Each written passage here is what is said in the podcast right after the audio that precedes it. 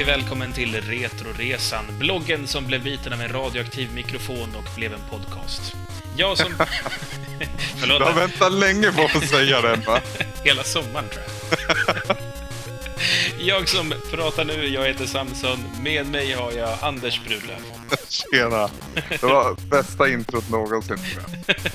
Hur är läget? Jo, det är bra. Eh, alltid på bra humör som du vet. Härligt, härligt. Mm. Själv är jag arbetslös. Från och med idag? Eh, nej, eller så, egentligen så har jag fortfarande anställning fram till den 13.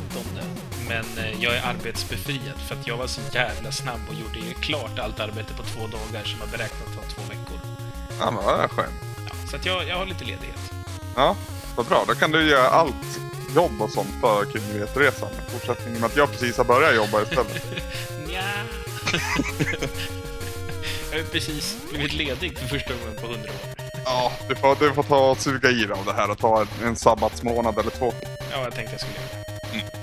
Du Anders, vi har ju faktiskt en, en poddradio att göra också, så jag tänkte vi ska raskt hoppa vidare och eh, kanske höra lite vad våra lyssnare har sagt. Mm, och de har sagt en hel del och det är många som har, många som har utnyttjat sitt forum så att säga. Eh, på vår nyöppnade Skillpoint-tråd, den som jag pratade om men som inte kom upp förrän dagen efter, eller var det två dagar efter tror jag. Efter att jag tjatade på dig dessutom. aj, aj, aj, jag har många bollar i luften, jag, jag jonglerar inte så här skitbra än. Men, UFO-X tror jag han kallas, eller UFO-X är det väl egentligen. Han tycker i alla fall att det var ett bra avsnitt, såklart.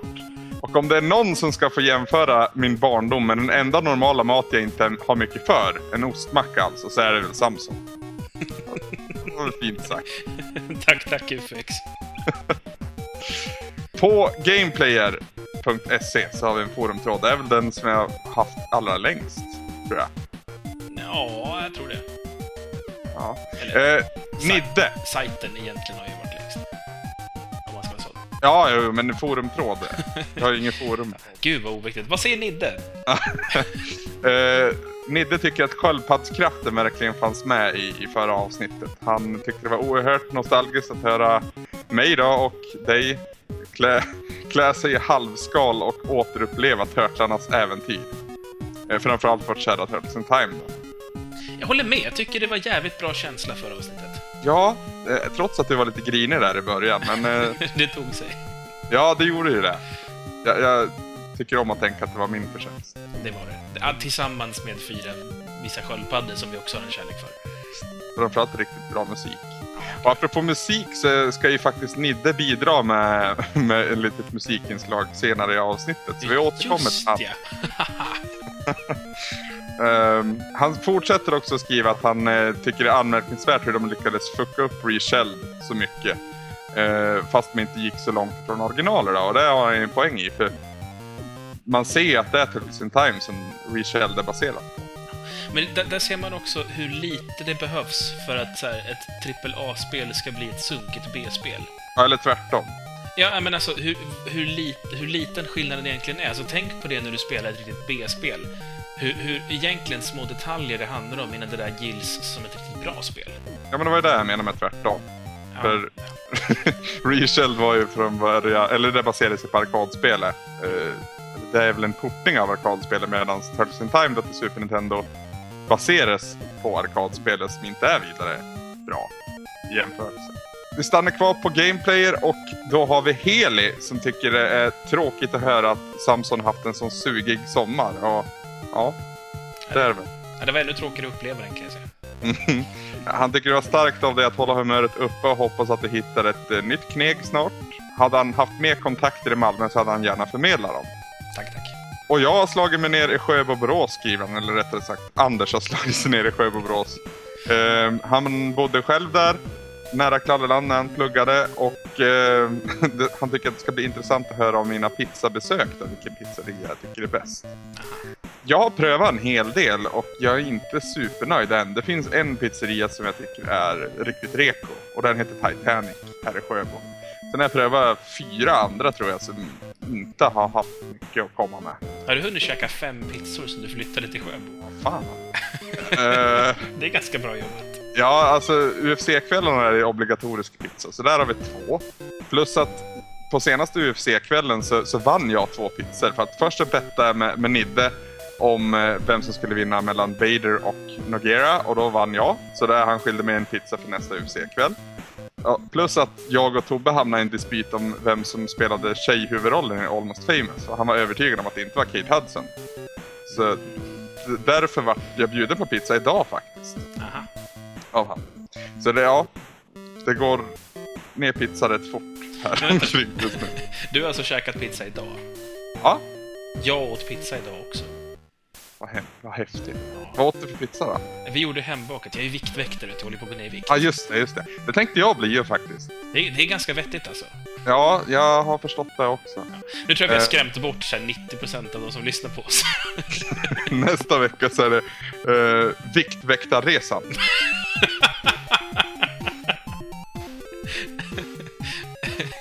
Gå vidare på nästa kommentar tror jag. Eh, jag tänkte faktiskt fortsätta lite på Heles, för han ger mig lite kritik uh, angående förra sagostunden. Eh, han tycker att jag har gjort ett väldigt bra val av spel, men han tyckte att det gick lite fort fram och att jag hade lite bråttom och lämnade lite utanför. Och det kan jag väl till viss del hålla med om. Och det tror jag har att göra med mest att det var väldigt stressat förarbetet innan förra veckans avsnitt. Jag som piskar vet du. Det är verkligen inte det. Snarare du som är lite för snäll på mig och jag vet av det så att jag drar ut på det in i sista minuten. Aha, det är så det funkar. Så du ska dra fram piskan snarare kanske. Jag som tänker mig att du jobbar häcken av det hela veckan och sen typ på onsdag bara du jag hinner inte, kan jag få en extra timme? Ungefär så är det faktiskt. I alla fall har det varit så de här två veckorna. Men i andra fall så har jag väl kanske varit lite lat. Eh, fram till två timmar innan inspelning. Men det där är lite bakom kulisserna som inte jag ska avslöja.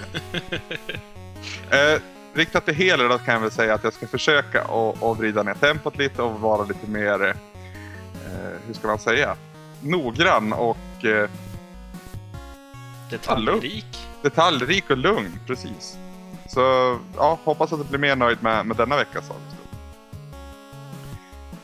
Och en, en annan sak Heli nämner som vi faktiskt också måste nämna. Det är en ri- liten rolig anekdot som han skrev. Han skriver att min flickvän var ute och gick i Svedala där hon bor och passerade den lokala elektronikaffären. Hon kunde då höra era röster i högtalarna som brukar spela musik för det förbipasserande. Tror ni har lyssnare där? Och så, vi hörs i en elektronikaffär i Svedala. Precis. Men du, det här måste vi ta utnyttja. Du, du killen där i jackan. Ja, du. Precis. Ja, du, det är det jag pratar med. Köp TVn, sluta jiddra. Kom igen. Så. Vi kallar det marketing before, without asking questions first. Vi skickar en faktura. First Niregård där. Ja, verkligen. Jag skulle ha gjort rösten, men jag kan den inte tyvärr. Vi fortsätter och vi fortsätter på Facebook och där har Fredrik Östensson skrivit att ni är fan bäst alltså. Tackar, Och tackar. Tackar, tackar. Eh, Mats Holmqvist fortsätter och han skriver att han, han smyglys, smyglyssnar lite nu när han gick sin runda med hunden. Han måste påpeka att hans kommentar om den konstiga stämningen sist mer gällde två fulla killar som sitter och snackar och sen sjunger den ena av dem I will always love you framför den andra. Det var så han menade alltså. Ja. I, I ärlighetens namn så, så visste vi ju om att jag skulle sjunga. Det hade vi ju blivit tillfrågade om ganska så långt innan avsnittet. Så att Det vi, var väl typ två veckor efter vi hade tagit breaket här mig. Ja, något sånt där. Så att både du och jag visste ju att det skulle komma förr eller senare. Då var jag så här, äh, ska vi göra det nu då? Ja, jag kommer alltid älska dig Samson. Ja, detsamma. På Retroresan.se, den fenomenala sajten som vi huserar på, så har Vargavaka lämnat en kommentar. Han skriver Ah, tillbaka till den gamla två, tre timmar långa avsnitten igen. Och eh, ja, det, det, så var det ju förra veckan. Vi tog ju trots allt upp fyra spel, två filmer, en par serietidningar och en tv-serie. Och Fight Club. Och Fight Club dessutom, boken och filmen. Eh, men ja, jag tror inte att vi kan lova samma volym på veckans avsnitt, men jag hoppas att han blir nöjd ändå. El Kebabo tackar också för ett riktigt bra avsnitt. Han säger att det förgyllde hans dag då han sågade av över 700 hörn på staketbrädor och sedan slipade dem. Oj. Bättre underhållning vid arbete än, era underba- än er underbara podcast finns helt enkelt inte, när tiden bara rinner iväg. Vad Det- skönt. Ja, jag kan tänka mig det här faktiskt. Alltså jag, ibland så har jag tänkt att jag behöver ett monotont arbete så jag kan lyssna på podcast. Det kan jag inte i nuläget på mitt jobb. Jag, jag brukar lyssna på podcast när jag typ diskar eller lagar mat eller någonting annat. Så här, du vet, man bara står och gör någonting utan att tänka efter vad det är man gör. Ja. N- när jag gör sånt, då brukar jag få så här jättebra idéer. Snarare. För då är jag bortkopplad. Då får jag inga intryck, så då får jag skapa mina egna. Så jag kanske ska undvika det, här, för jag tycker om mina idéer. De hinner du klämma in ändå, ska du se. Vi får se när jag får min eh, telefon nu vilket år det nu blir.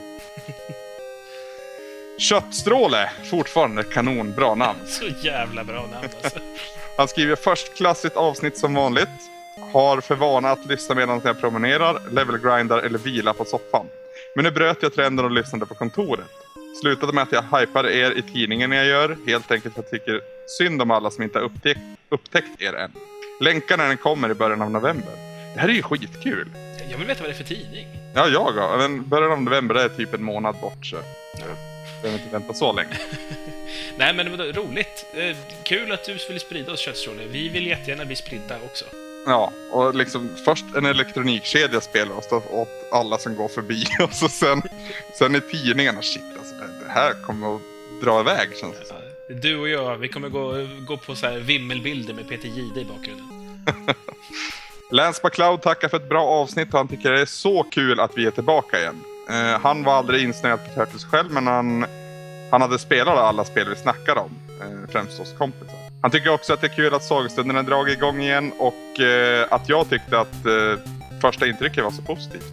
Tyckte han också var kul. Hängde ni med på det? jag, tror det. Eh, han älskar verkligen Chrono Trigger och han tycker att det måste vara ett av de bästa rollspelen på en konsol. Det är väl, det är väl inte ensam om att tycka, skulle jag tro. Jag vet, du placerar det rätt högt också. Jag gillar det. Han skriver också att eh, lite längre in i spelet så får man möjlighet att byta partymedlemmar fritt. Och eh, beroende på vilka man har med sig då, så får man lite olika dialog. Och han tycker att jag ska kasta om hela tiden där. Och det ska jag väl försöka göra då. Tillfredsställa han. Ja, men det, det, är, det är kul. Alltså, så var det ju även i Final Fantasy 7 och till viss del även i Final Fantasy 6.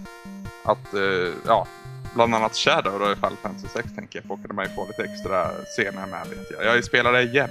Jag vet inte om jag nämnt det. Du nämnde att du skulle göra det, men du nämnde att du hade gjort det. Det finns faktiskt en anledning till att jag gjorde det. Mm. För du vet att jag råkade döda Shadow i Final Fantasy 6 under min Sagastundsspelning. Ja. Jag har blivit så totalt mobbad för det av, av Niklas, min före detta granne. Alltså varenda grej jag frågar om, när det kom, framförallt när det kom till Final Fantasy 7-spelarna. Ja, men hur gör jag det där? Nej, då måste du rädda Shadow i Final Fantasy 6 först. Liksom, var, varenda grej. Jag var tvungen att spela skiten igen, eller inte skiten, men jag var tvungen att spela det igen bara för att få, få tyst på han. Och rädda Shadow då och vänta på han där i, när jorden eller världen går under. Skitsamma, ska vi, ska vi köra på? Vad skönt att du fick det gjort i alla fall, så du kan ringa Niklas och be om hjälp i fortsättningen. i alla fall. Ja, jo, precis. Han har, han har inte spelat hela Chrono Trigger då. Aha, han är som jag. Ja, lite grann faktiskt. Oldgast skriver härligt avsnitt. Turtles har gjort stort intryck på mig. Eh, jag och min bror har en skum grej att vi brukar gå och försöka härma Krang när han säger strimlare. jag antar att det är på svenska då, för annars är det väl Shredder.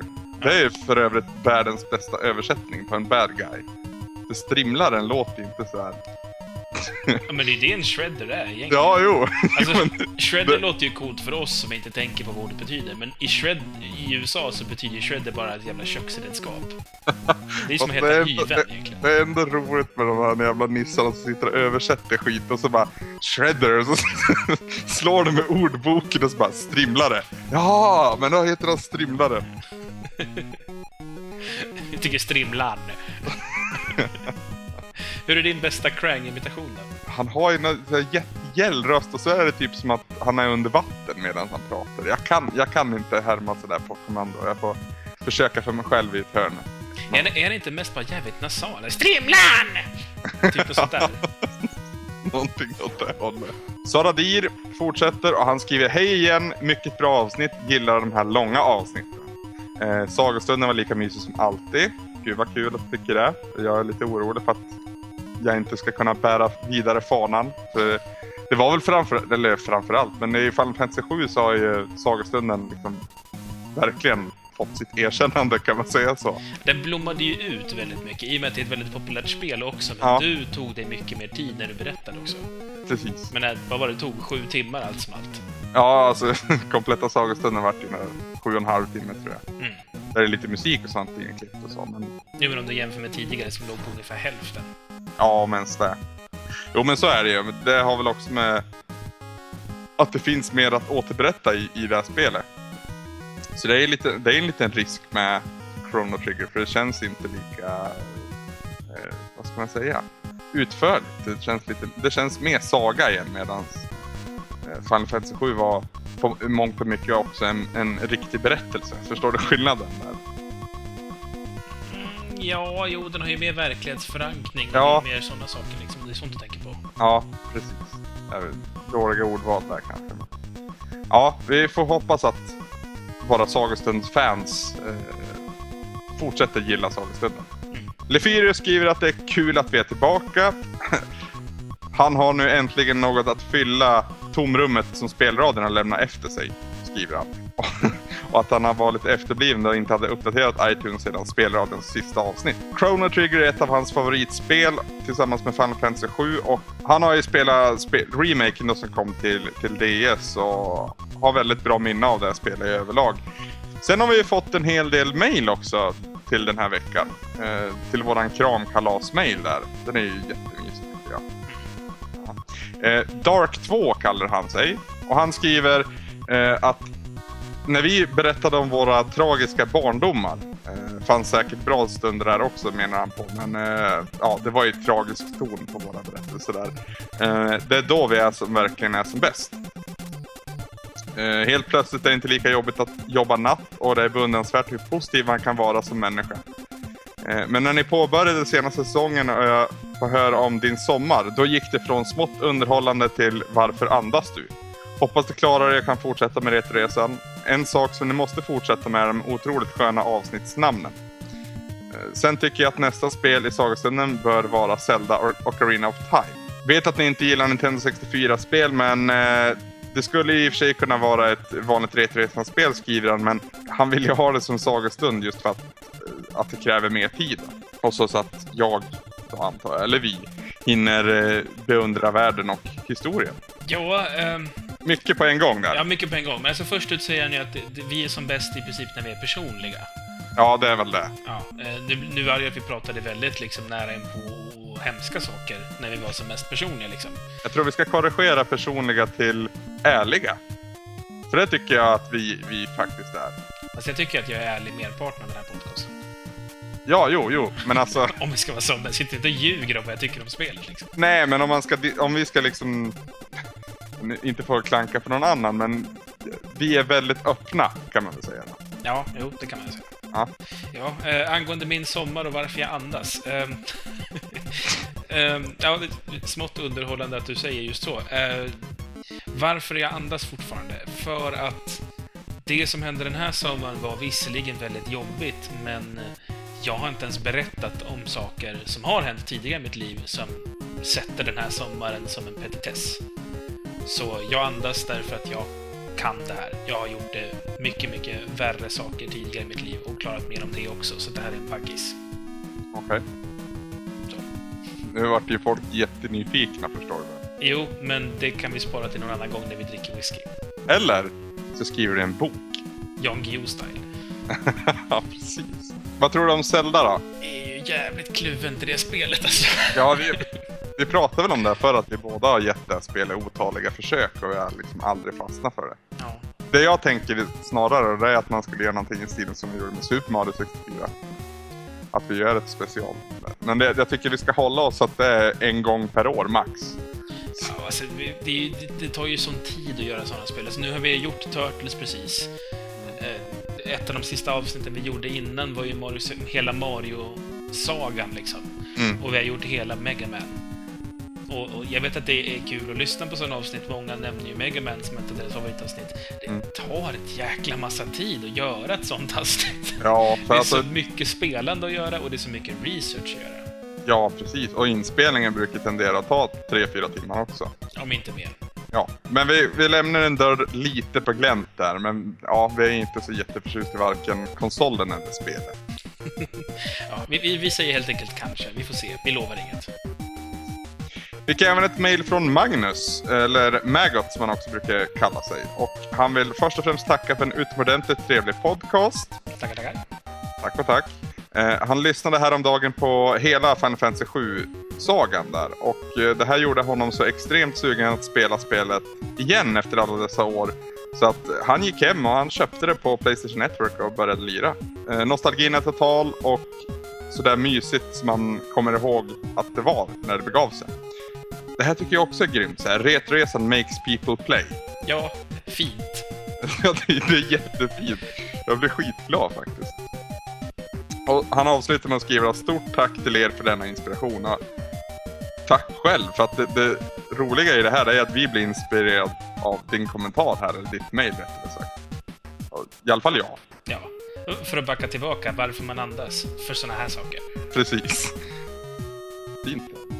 Eh, vi har också fått lite kommentarer på Twitter. Eh, Nilorb är först ut och han eh, skriver Härlig morgonpromenad till jobbet med retresan i öronen. Anders och Samson tillbaka. Fantastiskt avsnitt om muterade skaldjur. Och så en hjärtasymbol Saladir och där tog veckans Retresan spel slut. Hängde inte alls med i handlingen men kul var det. Dramatiskt slut också. Är det Gunstar han pratar om då? Ja, jag misstänker det, för det, det, kan, det var väl inget dramatiskt slut i Turtles-avsnittet, så det lär inte vara oss det pratar om. Och det var ju definitivt ingen handling att hänga med i heller. Om, om man inte syftade på sagostunden att det är dramatiskt slut där, att Crono var fängslad. Kan vara, kan vara. Kan vara. Svaradi får väl rätta oss när han får tillfälle. Sist ut på Twitter och bland kommentarerna den här veckan så är det Spelmalmer. Haft Turtles-melodin stenhårt på repeat i hjärnan senaste dagarna. Och så, ja, vad säger man?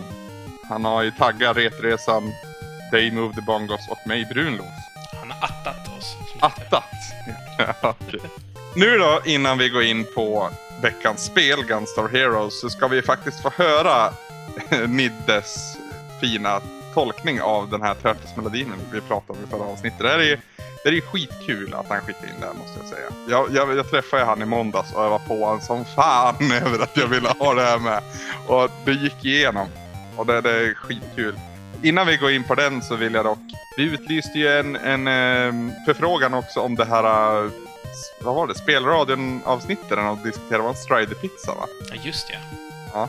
Kan inte vi så lova att de får en Strider-pizza av oss via online-pizza eller någon, om någon bara skickar in? Vi skickar, men hur...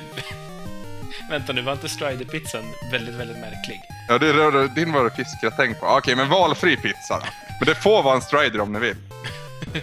Okej, vi, vi skickar pizza helt enkelt till personen som kan skicka oss det avsnittet när de pratar Strider-pizza. Ja, och pratar om oss framförallt, för det är jätteintressant. Ja, det, det, os, det är alltså ett osänt avsnitt, så det måste ju vara någon av grabbarna bakom. Mm. Om det är någon som har hackerkunskaper så kan vi ju även... Nu ska vi inte vi uppmana till olagligheter i Retroresan, det är väl inte riktigt meningen? Ah, lite busig får man vara. Men nu ska vi sluta vänta och vi ska börja lyssna på Nidde och hans fantastiska Turtles-melodi. Varsågoda.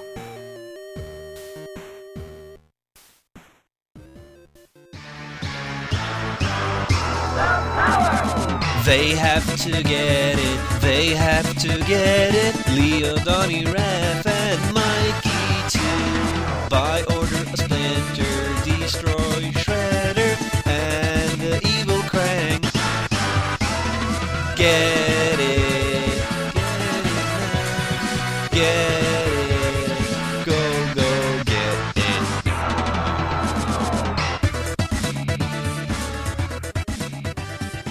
Och visst lät det fint Samson? Det är oerhört vackert. Tack så hemskt mycket, Nidde. Det där var...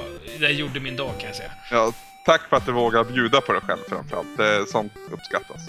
Eh, han spelar även in en liten förklaring till den här, eller lite bakgrundshistoria till, till den där melodin. Hur han spelade in den första gången. Eh, då han använde en, var det en minidisk eller vad sa han? Nej, nej, det var en, det var en helt vanlig Walkman, alltså bärbar kassettspelare. Aha, som, ja. som hade record-funktion. Och eh, då tog han ju sina hörlurar och pluggade i mikrofonjacket, för det är ju samma sak. Mm. Och så tejpade han fast hörluren på högtalaren på TVn. så att den skulle få liksom Turtles-låten från liksom menyn då i spelet. För då har ju den här Ja. soundcheck-grejen. Och sen satt han samtidigt och sjöng bredvid då, i takt. Så att han skulle få musiken och hans röst samtidigt. Och det är klockrent. Han, han säger tyvärr dock att eh, den här inspelningen har gått förlorad genom åren. Men eh, det är fint att den har fått en remake då, kan man väl säga. Hoppas det, vi hoppas att det inte är reshelled, så att säga, motsvarighet. Precis. Men då Samson, är vi klara kom- med kommentarerna den här veckan. Då går vi in på veckans spel. Och till den här veckan då så har vi spelat Gunstar Heroes, eller Gansuta Hirotsu, som det heter på japanska. Det är utvecklat av Treasure och det är utgivet av Sega 1993. Den kom faktiskt både till Nordamerika, Japan och Europa, visserligen på olika delar av året. Mm. Spelet är en sidskrollande run and gun shooter. Det finns fyra olika vapen och vapnen går att kombineras då två och två. Totalt blir det en uppsättning av 14 unika vapen man kan använda. En av de mest imponerande grejerna i spelet måste jag säga. Eller Ja. inte im- imponerande, men jävligt kul. Gör, gör, gör en jävla massa skillnad, kan jag säga. Verkligen. Eh, Man kan också välja då om man vill ha, så att säga, eh, vad är det det heter? Free shot eller locked shot? Ja, det heter nog inte lockshot, men... eh, ja, jag, tror alla vet vad du menar. Ja, en där man free aim och en locked aim kan vi kalla det. Mm. En där man, kan, där man måste stå still när man siktar helt enkelt och då kan man också sikta runt åt alla väderstrecken. Eller en där man rör på gubben samtidigt som man skjuter. Mm. Kort förklarat kan man säga att den ena är, funkar väldigt bra för defensivt spel, den ena funkar bra för offensivt spel. Vilken, vilken valde du? Jag föredrog nästan alltid att ha det fritt. Det berodde lite på vad jag, vad jag liksom jagade för vapentyp. Ja, och, och vad jag liksom stod inför. Men, men generellt så var jag mest i, i liksom free-läget för min del. ja jag- jag har inte ens testat det andra läget faktiskt. Så pass. Ja. Ja, I spelet så kan man gå, hoppa, dubbelhoppa, glida, kasta fiender och man kan även kasta sina vänner upptäckte jag. Mm. kan man ha väldigt kul med. Mm. Eh, vi kommer prata lite mer om funktion och kontroll lite senare. Jag tänkte jag skulle prata lite om storyn i spelet. Mm. Det finns två stories faktiskt. Okej, En västerländsk och en japansk. Jag kommer gå igenom båda två. det låter bra. Den västerländska, den lyder som så. Gunstar-dynastin har varit planeten Gunstar 9s beskyddare i flera generationer. För många år sedan besegrade Dr. Brown den elaka roboten Golden Silver som kom till planeten för att sno alla naturresurser. Dr. Brown tog då Golden Silvers fyra energijuveler och låste in dem på en måne till planeten. Plötsligt en dag attackerar den annars sköna snubben Gunstar Green den här månen och tar alla fyra juveler. Det visar sig att den onda diktatorn Smash Daisaku kidnappat och hjärntvättat den här snubben Green och tillsammans har de omprogrammerat arbetarrobotar till att bli hemska mördarmaskiner.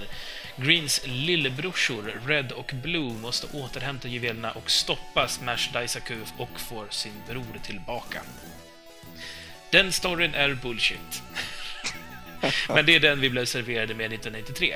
Ja. Eh, Den egentliga storyn, den som är canon, så att säga, den som fortsättningarna bygger vidare på, Mm. den går som så. En ond organisation har skapat en mördarrobot som kallas Golden Silver, the God of Ruin, och detta då för att sabba jorden, kort och gott. De, fy, de fyra Gunstar-hjältarna, Red, Blue, Green och Yellow, lyckades spöa eh, Golden Silver och spärrade in hans kropp på månen. De tog hans fyra energijuveler och gömde dem sen på jorden. De fyra hjältarna hoppades att civilisationen skulle återkomma tillbaka till jorden så småningom och lade sig och slumrade in i sina kryosömn. Tiden går och en ny civilisation blomstrar på jorden.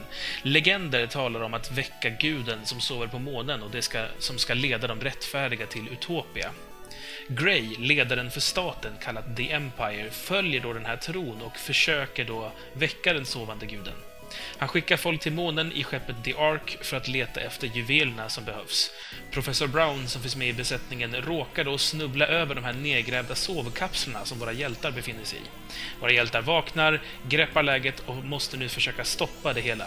Green verkar ha tappat minnet och hjälper Grey och hans Empire-armé. Professor Brown däremot ställer sig till förfogande för våra hjältar efter att ha hört deras lidelsefulla yttrande “We won't let such a tragedy happen again. We'll get back the gems and put a stop of the revival of the golden silver”. Herregud. Ja. Det var lite Tyler Durden där, kände du det? På, på, på Bad Guys. Ja men de skapar en robot bara för att förstöra världen liksom. Ja, det är inget, inget större mål än så. Jag tror vi får släppa Tyler Durden. Det kommer bli den här säsongens Megaman. Kanske det. Ja, vi har haft en hel del lyssnar, feedback angående det här spelet. Ja, Det tycker jag är jätte, jättekul. Sex stycken lyssnare har gett sig i kast med spelet och eh, berättat, för det eller berättat om det för oss. Ja, Eh, Vargavaka nämner För det första gläder det mig att se att vi spelar Treasure-spel i Retroresan. vad har de gjort innan? Kan du uppdatera mig på det? Eh, alltså jag tror... Det här är i alla fall det första spelet jag känner till med Treasure, men jag tror att de kan ha släppt någonting annat före. Det, det låter ju onekligen så på hans kommentar i alla fall. Jag vet, att, jag vet att de har släppt fler efteråt i alla fall. Ja, Så mycket vet jag. Men, men Treasure är ju Konami-avhopparna, som, som jag pratade om tidigare. just det. Det märks, kan man väl säga. Ja. Gunstar Heroes har Vargavaka spelat förut, eh, men han spelade igenom det igen igår kväll för att färska upp minnet. Härligt. Han gillar fortfarande spelet, även om han inte håller det som Treasures bästa. Mhm.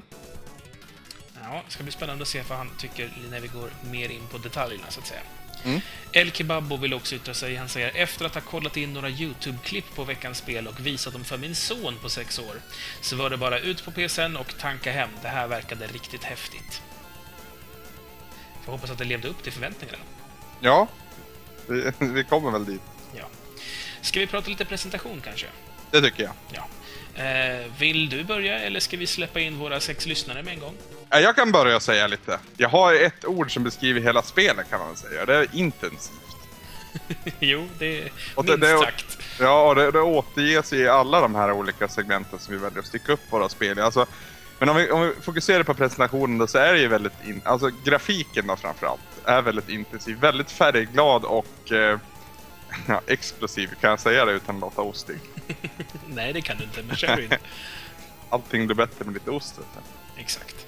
Men jag, jag vet inte, det är någonting som stämmer med den här presentationen samtidigt. Alltså, om jag ska, om jag ska avsluta första meningen innan jag börjar på en ny. Först och främst så måste jag säga att det här är ett av få spel där det märks att det är ett Mega Drive-spel och inget annat. Att det, är så sjukt mycket som händer på skärmen samtidigt och ändå så flyter det relativt bra. Och det grundas väl då i Mega Drivens, ja, för den tiden bättre processor. Blast Processor Processing, tror jag det kallades. Nej, Det var mest en reklamterm som användes i samband med Sonic, men... Men ja, den är lite kraftfullare processorn. Det Ja, och det, det, det syns i det här spelet. Saker och ting, eller en jävla massa skit händer på en och samma gång och det är väldigt tillfredsställande faktiskt. Det är, är liksom... Jag vet inte, känslan är som att krossa massvis med glasrutor samtidigt ungefär. Det, det Väldigt bra beskrivning faktiskt. kittlar liksom lite grann i, i kroppen. Det händer jävligt mycket samtidigt. Alltså, det är må- många sprites som trängs på skärmen och det är proppfullt med grafiska effekter. Mm. Alltså, du kommer ihåg när vi spelade Sparkster var det va? Nej? Eh, raketryggan. Rocket Knight Adventures. Rocket Knight Adventures. Det spelet hyllade vi för att det hade så otroligt mycket läckra effekter. Mm. Och det här spelet är ju nästan ännu värre. De spelen är för övrigt väldigt lika varandra, har tänkt på det? Alltså in, inte själva utförandet av karaktärer och så, men om man fokuserar på miljöerna. Mm. Alltså tänk första banan och hur första banan i Guns N' Heroes ser ut och första banan i Rockland Adventures ser ut. Ja, kanske. Det har du nog rätt i. Det- är lite så här att de har haft en mall som de har gjort alla första banorna efter. Det, det kanske inte bara är Sega heller för den delen. De flesta första banorna brukar ju vara väldigt gröna och svamprikaktiga. Man brukar ju alltid börja med att visa någon slags typ eh, frodig idyll för att liksom visa att så här, det här är världen vi ska försvara också. Mm. Normalvärlden så att säga. Ja, men det är ju samma, så det är samma roll som Fylke har i Sagan om ringen-serien. Ja, Detta är det vi slåss för, typ. precis. Ja, eh, vart var jag? Eh, vi var fortfarande helt uppjagade på att det var mycket effekter, tror jag. Mm. En, en liten sån här grej som jag stör mig på Rocky-prestationen, det är att just det som händer på skärmen och det som fyller bakgrundsfunktion på skärmen så att säga, alltså bakgrunden i grafiken, det liksom känns inte så samspel på något vis. Det känns som att det är en, det är en bild i bakgrunden bara. Det finns inget djup, kan jag tycka. Ja, alltså, de jobbar ju mycket med, med liksom tekniska aspekter för att ge djup, alltså parallaxskrollning och såna här Ja. saker. Men eh, jag är med dig. Man, man, man ser liksom inte så långt in. Det känns som att man springer i en kuliss. Mm, ex... Åh, vad bra beskrivet. Exakt så känns det. Bra framfört. Tack, tack. Jag måste säga att jag, tycker, jag, jag stör mig lite på karaktärsdesignen. Alltså inte våra hjältar, de ser ut som, som klassiska japanska liksom, Ja, overallerna vet jag väl inte riktigt om jag håller med om. Sen stör jag mig lite på att om de ska heta Red och Blue, varför har de bara små detaljer i de här olika färgerna? Varför kan det inte ena få vara röd och den andra blå, så att man verkligen kan se skillnad på dem? Men, men hur skulle det då bli för blå? Han skulle ju vara Megaman. Men de, de har ju en grundblåaktig färg på den här. Ja. Och sen så har de liksom, ja den ena har blå detaljer, den andra har röda detaljer. Varför kan inte grundfärgen få vara det som avgör? För att jag hade, när jag testade det här lite grann i co-op, så, så hade jag jättesvårt att hålla koll på vem som var vem. Särskilt när det ändå händer så jäkla mycket på skärmen Mm. som det redan gör. ja, jag kan tänka mig. Jag har inte testat Co-op tyvärr. Jag har inte haft tid helt enkelt. Men jag, jag tänker faktiskt göra det sen. Eh, jag köpte det här på Playstation Network och har lite, lite speltid kvar känns. Nej, Jag känner att för att kunna klara very hard mo- mode så måste jag ha en, en co-op-partner med mig. Mm. Alltså jag hade problem med det ändå. Tycker jag. Eh, vi kan eh, lyssna lite på vad våra lyssnare har sagt om eh, det grafiska. Mm. Nidde säger det är tydligt vilken era spelet kommer från med sina klara färger och roliga design. Eh, och jag, eh, jag är beredd att hålla med där. Det känns ju att det är 90-tal. 16 bitar i ett nötskal. Ja. ja, men det känns ju som att om 16 bitar var det som gällde idag så skulle ju fortfarande allting vara brunt och grått för det ska vara så jävla realistiskt och Unreal-motor och allt fan vad det är. mm. Eh, han pratar också om att det är mycket sprites, det är mycket rörelser och det är mycket stora sprites. Och han tycker att det är eh, smått genialt att lösa de här stora spritesen genom att bygga, alltså det är framförallt bossar han tänker på då. Eh, istället för att försöka animera en jättestor sprite så, så bygger man bossen av flera olika sprites. Så typ ena benet är egentligen en egen sprite, typ. Mm. För att man kan ju vrida och vända och flytta på sprites ganska lätt. Eh, mycket lättare än man kan animera och framförallt med fler frames i sekunden. Det är därför typ springanimationerna är typ så här tre steg. Du vet så här, lyft på höger ben, lyft på vänster ben, stå med båda benen platt. Det är typ det de kan göra ungefär. Mm. Men när man kollar på när en boss tar ett steg, som tar bara den här första kloss, klossbossen, eller vad man ska säga, som man möter. Mm. Där varje kloss är individuellt liksom, animerad, så, så blir det mer att man verkligen ser stegen. Mm. Jag instämmer. Eh, Vargavaka däremot, han säger som så. Presentationsmässigt tycker jag det är sådär. Okej. Den grafiska stilen känns, likt många av den här studions titlar, väldigt urflippat konstig och japansk. Mm. Eh, Och det tycker jag att han har rätt i. Alltså det är just eh, fiendekaraktärsdesignen. Jag tänker på soldaterna i Spaceballs. Mhm. Du kommer ihåg Det våras för rymden-filmen? Mm, mm, mm, just det. Jag tänkte, Ja. jag tänkte spela nu först. Var Spaceballs. nej, nej, nej. Nu, Ja. pratar, nu pratar vi om, om Mel Brooks-rullen. Eh, Världens bästa parodi.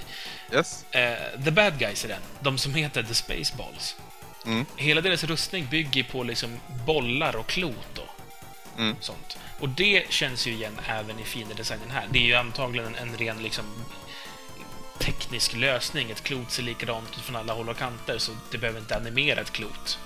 Mm. Eh, Men, men alla fiender bygger liksom på en klotdesign. De har liksom ett, ett lite större klot som bröstkorg, de har klot som axlar och så vidare och så vidare. Eh, Det finns ju till och med en, en eh, boss mot slutet som är helt baserad på klot, som ser lite, nästan lite ut som Vector Man. Ja, faktiskt. Det var exakt han jag tänkte på när jag såg den bossen. Varför inte vi spela Vectorman? Ja, spara den.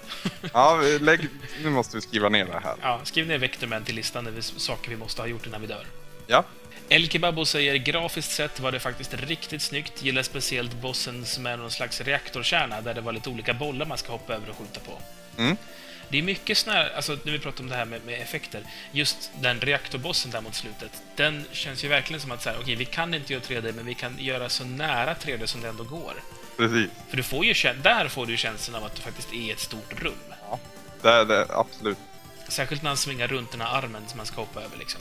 Mm. Lefyrius säger färggrant, fina och coola explosioner. Jag gillar att de hade en Bison-kopia. ja, alltså vad fan kom det ifrån?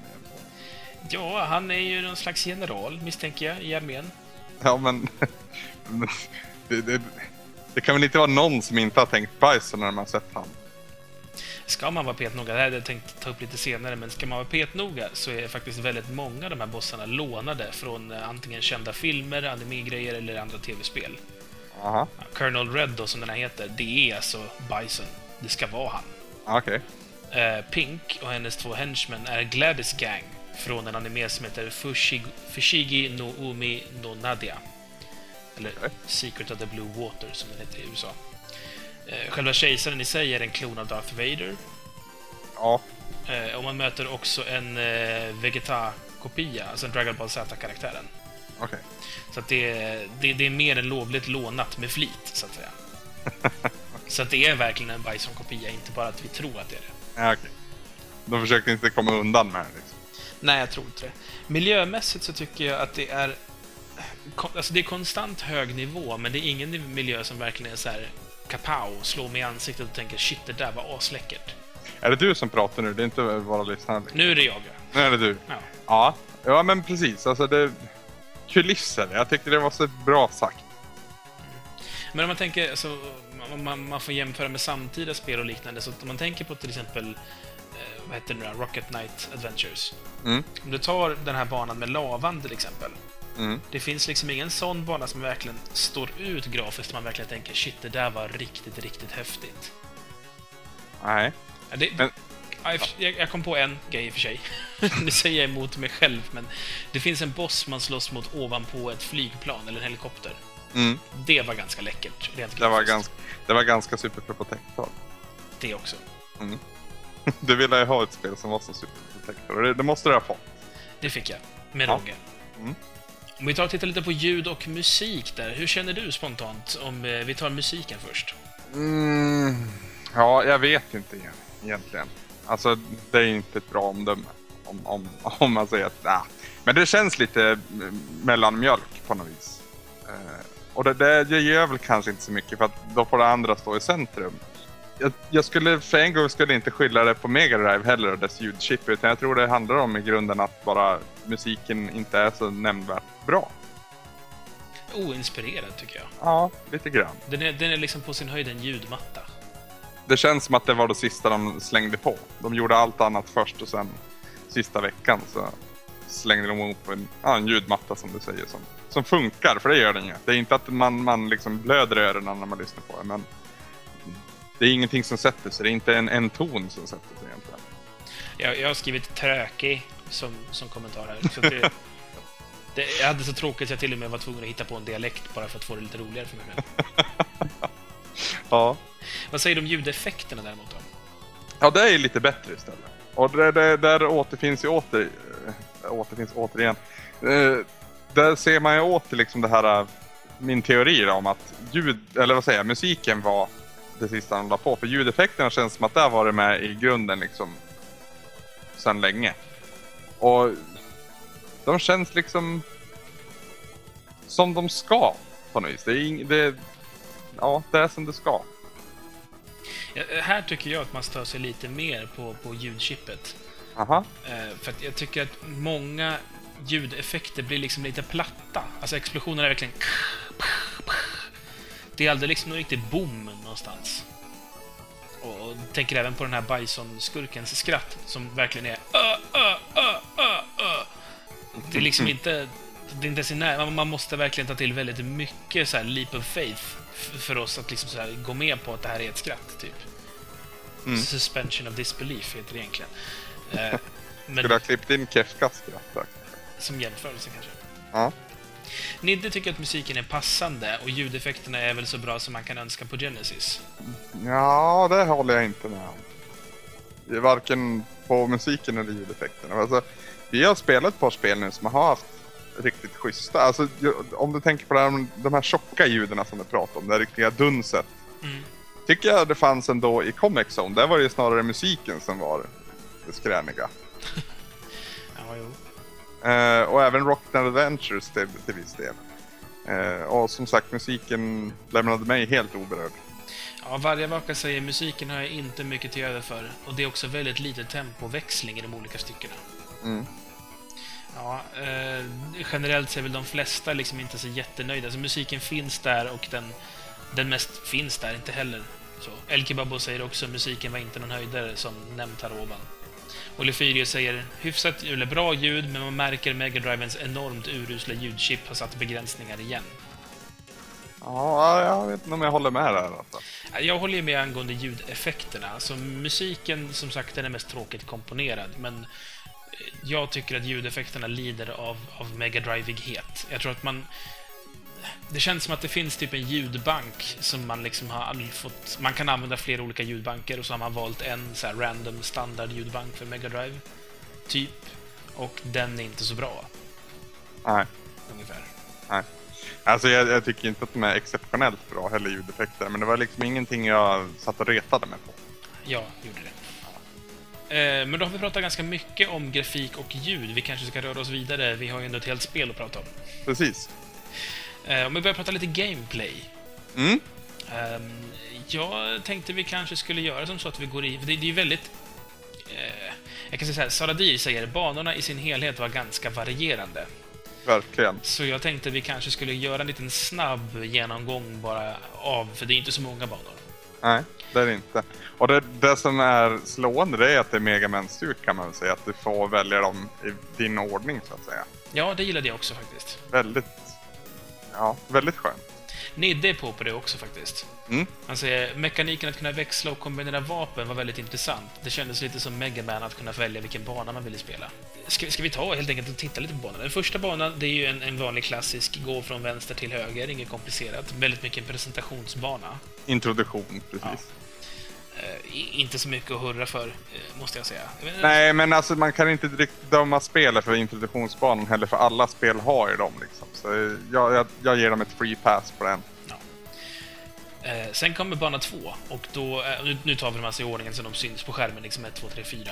Ja, Okej, nu kommer jag inte ihåg riktigt vilken ordning det är, men det, antar att det är spårvagnen typ. Precis, det är när man Ja. åker ja, på de här små bräd... Eller vad är det? Man åker på någonting som, som fäster antingen i taket eller i golvet. Mm.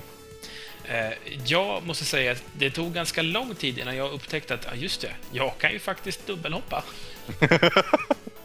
Så att, eh, ja, jag hade liksom onödigt mycket problem här innan jag liksom listade ut att, aha, är det så man kan göra? Framförallt när man åker liksom vertikalt. Ja. Eh, så, så börjar ju så att säga en slags boss-serie där. Mm. Och jag tänkte inte på att man kunde hoppa över till andra sidan. Så jag har ju liksom stått på höger sida hela tiden tills jag... Aha. ja, just den där bossen hade jag väldiga problem med. Mm. Många Ja. liv kan jag säga gick åt. Ja, jag tror fan det var den svåraste bossen i spelet. Men när man väl hade greppat liksom, inte så mycket mönster, men när, man hade, när jag hade fått grepp på kontrollerna, vilket var ungefär lagom till mitt i den bossfighten, Mm. då hände någonting. Jag kom på mig själv med att sitta och skratta högt, slå mig själv på knäna, svettas, skrika, försöka bita min kontroll, liksom allt det här tillbaka. För det är ju en jävla bosskavalkad, vad är det, sju bossar på raken? Mm. Eller sånt där. Och, och det kommer så, du vet, andra banan. Eh, och, och det var så intensivt och det var sån, sån pur glädje i mig. Jag blev så otroligt glad här. Jag tänkte så här, shit, är det det här det bjuds på? Första banan introduktion, andra banan börjar spelet. För det här var ju, du vet, Wily-banorna direkt, ungefär. Ja, bra jämförelse där också. Att, ja, Wily-banorna. Det är liksom allt på en gång. I, inga, inga slowdowns. Och jävlar vilket ös. Alltså jag var så Ja. jävla, jävla glad när jag till slut tog den. Jag bara, åh, det var den sista. Åh. Åh, jag bara kände så här, fan. I det här läget önskar jag att jag vore rökare så jag kunde gå ut på, på balkongen och ta en cigg alltså. Ja, Åh, så jag, ja, jag var jätteförtjust i den banan. Nästa bana. Nästa är den här där det är en, en slags rymdskepp som ska starta, som man liksom ska klättra Mm. bredvid. Eh, El, El Kebabo säger ehm, ja, banan som börjar med att man ska hoppa uppåt på plattformen medan ett rymdskepp åker bredvid. Det tyckte jag var lite knepig först. Jag fattade inte att man skulle hoppa uppåt utan försökte ta mig på rymdskeppet. Vilket resulterade i att jag dog. Mm. Det gjorde jag också. Inte jag faktiskt. Jag som brukar vara korkad. Men, ja. Men jag tänkte så här. Nu säger inte jag att ni var korkad. Ja, men det var vi. Det är inget hum om det. Men, eller nej, jag skulle säga så här. Jag tycker att designen i spelet gjorde det inte självklart för mig att jag skulle uppåt. Nej, det, det kan jag hålla med om. Och, och det är ett tema som återkommer lite, måste jag säga. Ja, det, ja precis. Det, det är inte så jäkla välguidat det här spelet. Jag tycker ibland det känns som att det, teamet som gör det här är fantastiskt skickliga, men de har liksom ingen ledare som kan så här. Nu måste vi få spelarna att fatta att det är det här de ska göra. Nej. Eh, för att det, det, det är dålig interaktionsdesign i det här spelet. Om jag får luta mig lite mot min, min eh, expertis, så att säga. Eh, för att det, det är en väldigt bra designad eh, rörelsemässigt, tycker jag. Och det är bra designat vapenmässigt. Det finns ett enormt djup i liksom de olika kombinationerna. Eh, Och banorna i sig är ganska hyfsat utformade. Men man är inte så bra på att leda spelaren rätt. Nej. Det här är någonting som Nintendo är typ världsbäst på. Ja, Em. utan, utan att det blir liksom påfrestande också. Ja, men alla Zelda-spel, alla Mario-spel, alla Metroid-spel, allting är väldigt bra på att utan att skriva dig på näsan, liksom hinta dig rätt. Eller Valve är ju suveräna på det också. Man, Mm. liksom, man gör någonting som gör att du intuitivt vill liksom söka dig åt en viss punkt, eller ett visst håll. Det kan man göra med ljussättning eller med någonting annat, men man gör någonting intressant så att man vill gå dit och titta och det leder en in på nästa moment. Mm. Här tycker jag det saknades. En sån enkel sak som att skärmen kanske skulle börja självskrolla här hade ju direkt gjort det självklart för mig att ah, jag ska uppåt, jag ska inte hoppa över till fartyget. Eller bara lagt någon effekt på den som gjorde att jag förstod att jag ska inte dit. Eller en liten pik. Jag menar, Ja, Det är ju att skriva någon på näsan. Det, det tycker jag är, är lite slarvigt att göra bara en pil. fast ändå, alltså det är lite arkadkärlek över det också. Alltså står du still i, i, i ja, Time till exempel, så kommer det liksom... Men det är April O'Neil som dyker upp då va? Ja. Jag, jag, jag tycker inte att det är att skriva på näsan, jag tycker det är lite så här. Hörru, rör på det. Din fan. Fast det är skillnad på hörru rör på dig eller en fatta, du ska hitåt.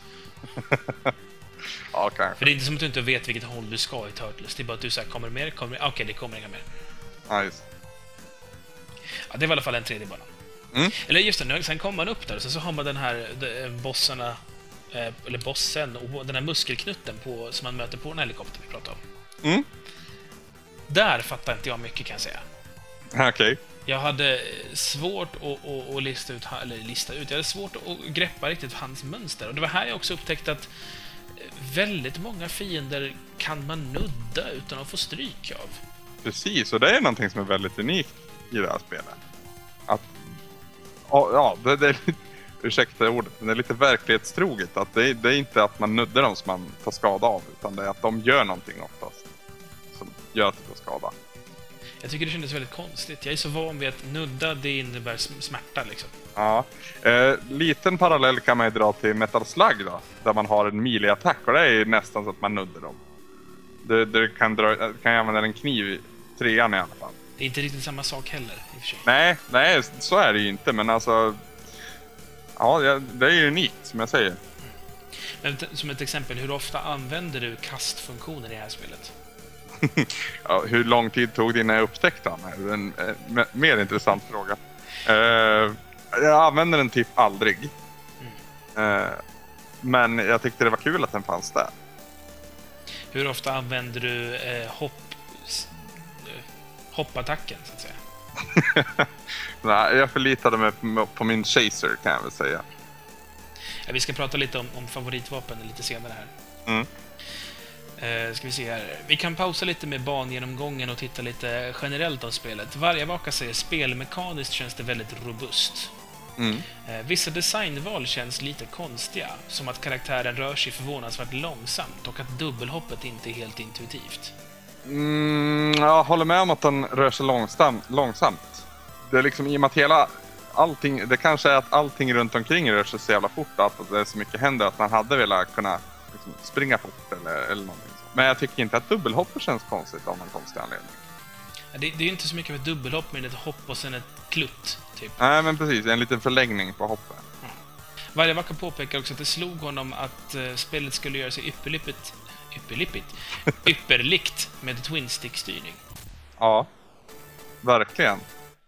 Jag har faktiskt suttit och klurat på det, hur man skulle lösa det om man hade twin sticks. Aha, Då skulle man ha en sticka för rörelser, ja, och så skulle man ha en sticka för att skjuta. Ja. Och så riktningar på det. Ja. Men då är man ju tvungen att förlägga själva avtryckandet på en... en eller nej, det- man behöver inte skjuta med någon avtryckare eftersom man skjuter genom, genom att peka. Precis. Um, Du kan ha hoppknappen på en triggerknapp. Fast hur känns det? Alltså jag tyckte det störde mig jättemycket i, i Mirror's Edge på att ha hoppen på trigger eller på trigger eller bumperknappar. Ja, ja, jag tror det skulle funka. Men, Ja. Mer i knepet, jag vill gärna hoppa med min tumme. Jag vill använda min fysiska tumme när jag hoppar. Då får du ju problem. Ja, jag får ju det. Ja, men vissa kompromisser får man göra. Men det, jag tycker att det vore, det vore intressant med en remake. Eh, och det vore intressant med en eh, ny eller kontrolluppsättning. Och Twin Stick känns supergivet i det här fallet. Men sen hur man löser det, det, det är fas 2. El Kebabo säger att han började spela spelet på Easy och valde fasta skjutlägen till hans son, för han trodde det skulle vara lättare. Mm. Eh, Men sen så testade han att låna sonens kontroll för att testa det och det funkar inte alls. Tog bort massor av spelglädjen. Mm. Valde du någonsin, eller du körde aldrig med fasta? Nej. Det finns en anledning till det här faktiskt. Det är att jag har testat det här spelet förr. Men det var, det var så att eh, på Playstation Network kan man ju dela eh, konton så att säga. Mm. Då var det en kompis som laddade ner det här och jag, jag testade och körde första banan. Och då prövade jag det här låsta först och det, det funkar inte alls för mig. Så när jag väl satt med, med det nu. Så, så var det inget att fundera på. Då körde jag med, med fritt. I barnväg sen då så, så kommer ju eh, tärningsspel sen. Helt jäkla random måste man säga. Det kom väldigt här, jaha. Det var väldigt oväntat. El Kebabo tycker att den banan var ganska jobbig. En ganska rolig idé, det är inte något han sett förut. Eh, Men kan man slå mer än en trea? Vet inte. Jag har aldrig fått mer än tre i alla fall. Så det, Ja. jag, jag tror att det är taket. Men det var ju en jävligt udda bana med. Alltså först är det den här, det, det är liksom en sån där TP-bana typ. Man ska gå som ett U, ett liggande U. Mm. I, näst sista rutan är ju en sån typ way back, står det på den, och så är det en dödskalle. Hamnade du någonsin på den? Jag tror inte det. För jag gjorde aldrig det och jag kände att jag nästan skulle vilja prova för att se vad som händer. Men samtidigt kände jag, fast jag orkar inte riktigt alltså. Nej, alltså jag minns att jag, jag satt och var väldigt fundersam på den där banan. Men jag kom, nej, jag tror inte jag, jag gick på den en gång. Jag tänkte, det syns ju. Det är rätt uppenbart att den vill man inte gå på. Mm. Ja, ja, ja. Jag är nyfiken i alla fall. Om det är någon som vet, så skicka gärna in. vad händer när man går där? Är det bara att man kastas tillbaka, eller dör man, eller vad, vad händer liksom? Apropå dör, vad tyckte du om att det inte var livmätare, utan livsiffror? Mm, ja, det är också liksom nytänkt på något vis. För, ja, nu vet inte jag vilken ordning det kom riktigt. Men Nintendo hade ju Contra. Och eh, Neo Geo hade ju Metal Slug. Det är liksom konkurrenterna i det här fallet. Och då kommer ju liksom Sega med sitt Gunstar Hero. Så det, det för ju mycket nya idéer till bordet. Samtidigt som du säger så lånar de ju friskt från andra också i andra avseenden. Men jag tycker det funkar ju bra. Alltså, och man har en jävla koll på något vis. Alltså jag tycker att det känns lite ofärdigt. Jag, jag välkomnar just det här med, med att man ser livet i siffror. För Mm. i, I alla andra spel så är det ju också siffror någonstans i bakgrunden som gör beräkningar. Mm. Men det brukar visas med liksom antingen en livmätare eller att fienden börjar blinka som i Turtles och så mer intensiv blinkning betyder lite liv och så vidare. Mm. Men eh, dels så tycker jag det var bra för att du såg alltid konsekvent när kan tar han skada överhuvudtaget, hur mycket tar han i skada och hur mycket har han kvar.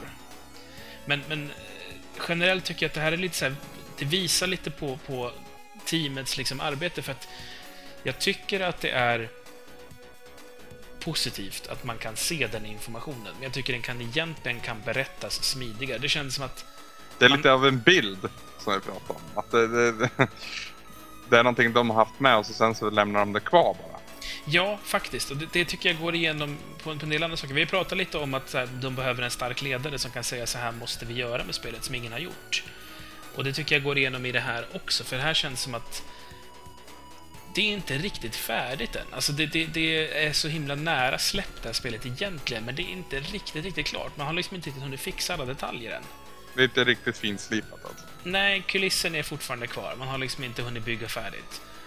Och, och eh, ja, man har inte orkat bygga en ordentlig livmätare så man gör så här istället. Och, och man har inte riktigt löst ett smidigt och intuitivt system för att plocka upp nya vapen. Jag vet inte hur många försök det tog innan jag greppade exakt hur man skulle göra. Eh, Och jag, jag har kollat lite på YouTube på folk som gör såna här eh, Let's Play-videos. Mm. Och de sitter ju och svär över när de ska plocka upp någonting, att de, typ, de ska plocka upp ett hjärta, men de dör så här 40 i liv för att de inte lyckas plocka upp det. Ja. Och det kunde jag väl känna igen mig i. Liksom. Till, till slut så satte jag mig och bara, nej, nu, nu tänker jag inte gå härifrån förrän jag listat ut exakt hur det här funkar. Jag, jag får dö om jag dör, liksom. Ja, Det, det, det, jag, det var mycket jag lärde mig på den här introduktionsbanan. Kanske därför jag, jag gillar den också. Så att jag liksom såg till att... Jag, jag, så här var det. Jag kände på mig att det här spelet skulle bli tufft för mig. Och när jag hade den liksom vetskapen i bakhuvudet så såg jag till att liksom dubbelhoppet satte jag på första banan, eller ja, upptäckte det på första banan. Eh, att plocka upp grejer, hur man gjorde, hur man sköt. Att, jag upptäckte även att eh, man kunde kasta fiender och så, men ja, jag använde det inte så mycket. Eh, så det, ja. Jag, jag utbildade mig själv under första banan och det här var ju en av de sakerna som var väldigt konstigt på något vis. Det känns alltså som att överlag spelet är gjort för en publik som redan är väldigt inne på genren. För att du, du tvingas inte att, att greppa alla de här grejerna. Så det kan ju faktiskt vara så att det som vi kallar att det är ofärdigt, det kan ju vara att man helt enkelt är så här, sånt där, det är onödiga detaljer. Det får ni lista ut själva. Och samma sak med livmätarna, det är onödiga detaljer. En riktig elitspelare kommer i alla fall lära sig hur, vad, vad, vad liv är och hur mycket det tar. Så att det är lika bra att vi visar det med siffror med en gång, så slipper de. Alltså man kan ju faktiskt ha riktat in sig på en sån grej också. Mm. Nidde säger eh, för att uppskatta spelet krävs att man först lyckas lista ut kontrollen, hur man byter vapen, eh, hur man plockar upp liv och allt sånt där. Det är långt ifrån intuitivt, men det går att tygla. Ja, så är det. Men i början så kämpar man ju ganska så friskt med det här och sen när man väl förstår hur det går till och hur man byter vapen och hur man kombinerar vapen, då känns det helt plötsligt så mycket bättre. Ja, man växer ju med spel. Jag kände lite grann, för det här är ett rätt så kort spel också, att när jag var klar med spelet och, och allting, då skulle jag vilja sätta mig ner med tvåan på en gång. För då, då, då, nu kan man, det är samma känsla som man fick av Mirror's Edge faktiskt. Du drog parallellen tidigare. Uh, för Mirror's Edge hade också väldigt konstiga kontroller framförallt. Eller väldigt på gränsen till onödigt komplicerade kontroller. Men när, när man väl hade kommit förbi halvvägsstrecket så, så började man bli bra på det man skulle göra. Och lagom till spelet var slut, då kände man sig liksom hemma med Fate då i det här fallet. Och Red då, i, i detta fall. Ja, och så för att återjämföra med Mega Man så känns det som att eh, man har liksom kastat omkring väldigt mycket ur ett väldigt bra fungerande koncept. Vi nämnde ju att det kändes som Wily-banan att få den här bosskavalkaden. Mm. Ehm, och, och här är det istället så att när du väl greppar allting, för när du kommer till Wily-banorna, då har du greppat Mega Man. Mm. Då börjar spelet. Här känns det som att det är så himla lite kvar när du har greppat allt det här. Mm. Så det, det, det är nog en, lite av en miss där faktiskt, att det är lite för kort. Eller det är lite... Man skulle antingen varit duktigare på att undervisa spelaren tidigt, eller så skulle man haft fler banor mot slutet. Mm. Nidde tar även upp att man måste lära sig vissa vapenkombinationer också. Eh, som att man är tvungen att släppa om man har laser och chaser, för att de råkar fastna på objekt som inte går att förstöra. Eh, eller att det faktiskt går att styra en fire chaser och så vidare och så vidare. På tal om Chaser. Chaser plus Chaser. Hur jävla awesome var inte den? Den gillade jag. Jag tänkte vi skulle prata lite om, om just eh, vapenkombos, för jag har nämligen skrivit ner vad alla lyssnare har sagt. Ja. Eh, vi börjar med lyssnarnas. Mm. Niddes personliga favorit är Laser Chaser eller Super Chaser, alltså som du gillar också där då. Mm. Eh, med denna kombo, alltså Laser Chaser, eh, behöver man inte längre koncentrera sig på att skjuta på allting, utan bara koncentrera sig på att komma vidare. Ozzy, 88, säger eh, själv kör jag oftast med homing homing, alltså Chaser Chaser, eller Chaser Force, tror jag den heter, alltså den som är standardskotten liksom. Mm. Saradir har två kombinationer. Han gillar eld plus målsökande. Den tar han om man får chansen. Eh, Då gör man så att man håller i sju-knappen och så sprutlackerar man skärmen. Eh, Skotten böjer sig och söker sig till allt och totaläger. Ja, verkligen. Hans andra favorit är eld plus eld. Det är inte målsökande, men det är en riktigt bra spray. Jag tror jag aldrig har prövat faktiskt. Jag, jag har provat det mesta. Han säger också att han körde med free shot. Mm. Eh, han säger som sådan, med detta så kunde jag rusa runt som en galning, spraya mina skott över hela skärmen och go berserk. ja. Eh, El Kebabo kör på samma spår som Ozzy med eh, ja, Force och Chaser. Mm. Det är överlag ett tema, alla vill ha mer Chaser på något sätt. ja, ja det, det har väl sina naturliga skäl också. Jag körde väldigt länge med Fire Chaser. Mm. Eh, jag, jag, miss, jag, jag trodde inte att man kunde ha Chaser Chaser. Det var väl därför jag körde med Fire Chaser så länge. Men när jag väl upptäckte Super Chaser kallas det bara. Eh, då var det liksom epic win på något vis. För att använda väldigt utnötta uttryck. Alltså jag gillar Super Chaser och det var mitt andrahandsval, men min absoluta favorit var faktiskt Lightning Chaser. Okej. För Lightningen i sig är helt värdelös. Ja. Men den har en funktion av att det faktiskt går igenom väggar. Mm. Och det är otroligt nödvändigt på vissa punkter. Så min kombo av då Chaser och Lightning, den var helt jävla awesome. Den tar inte så mycket, men den gör att du verkligen, du behöver inte göra ett jävla skit. Alltså spelet blir så lätt. Jag behöver bara undvika saker och konstant hålla inne skjutknappen. Till och från släppa då ifall den fastnar på någonting som inte är, är liksom förstörbart. Mm. Men annars är det verkligen bara låta spelet göra sitt och jag bara duppi-duppi-du. Fast hur kul är det egentligen? Alltså det blir ju kul för det blir ju, ut, alltså det är ju fortfarande ett utmanande spel på sätt och vis för att det är ju annat som du ska lösa. Det blir mer att eh, din funktion handlar mycket mer om så här, du kan koncentrera dig på, på bossscheman som du ska liksom ta dig runt. Eh, du, du kan koncentrera dig på typ var hittar jag safe spots och så vidare i och med att du inte behöver tänka på att ah, just det, jag måste vända mig om och skjuta ibland också. Mm. Ja, och så sen är det ju faktiskt väldigt tillfredsställande att få mörsa alla fiender på skärmen. Och det är ju inte superlätt heller. Framförallt den här bosskavalkaden gick ju väldigt mycket ut just på att flytta sig mycket. Ja, Och där var det ju suveränt med Laser och Chaser, så att säga. Mm. Så det, det gillade jag. Ozzy tycker inte om kontrollerna och han tycker att det är dumt att behöva skjut, välja mellan att skjuta fritt eller stationärt. Eh, Han säger att dubbelhoppet är också skumt. ja det... Jaha. Ja, det tyckte inte jag att det var skumt för. Jag brukar ju vara liksom down with the people. Ja, jag vet inte. Lefyrius tycker att kontrollen är bra, men sladdrig. Mm, Ja, lite kan jag hålla med om. Det, det, återigen, den här sista touchen. Det, det allra, allra sista, den här...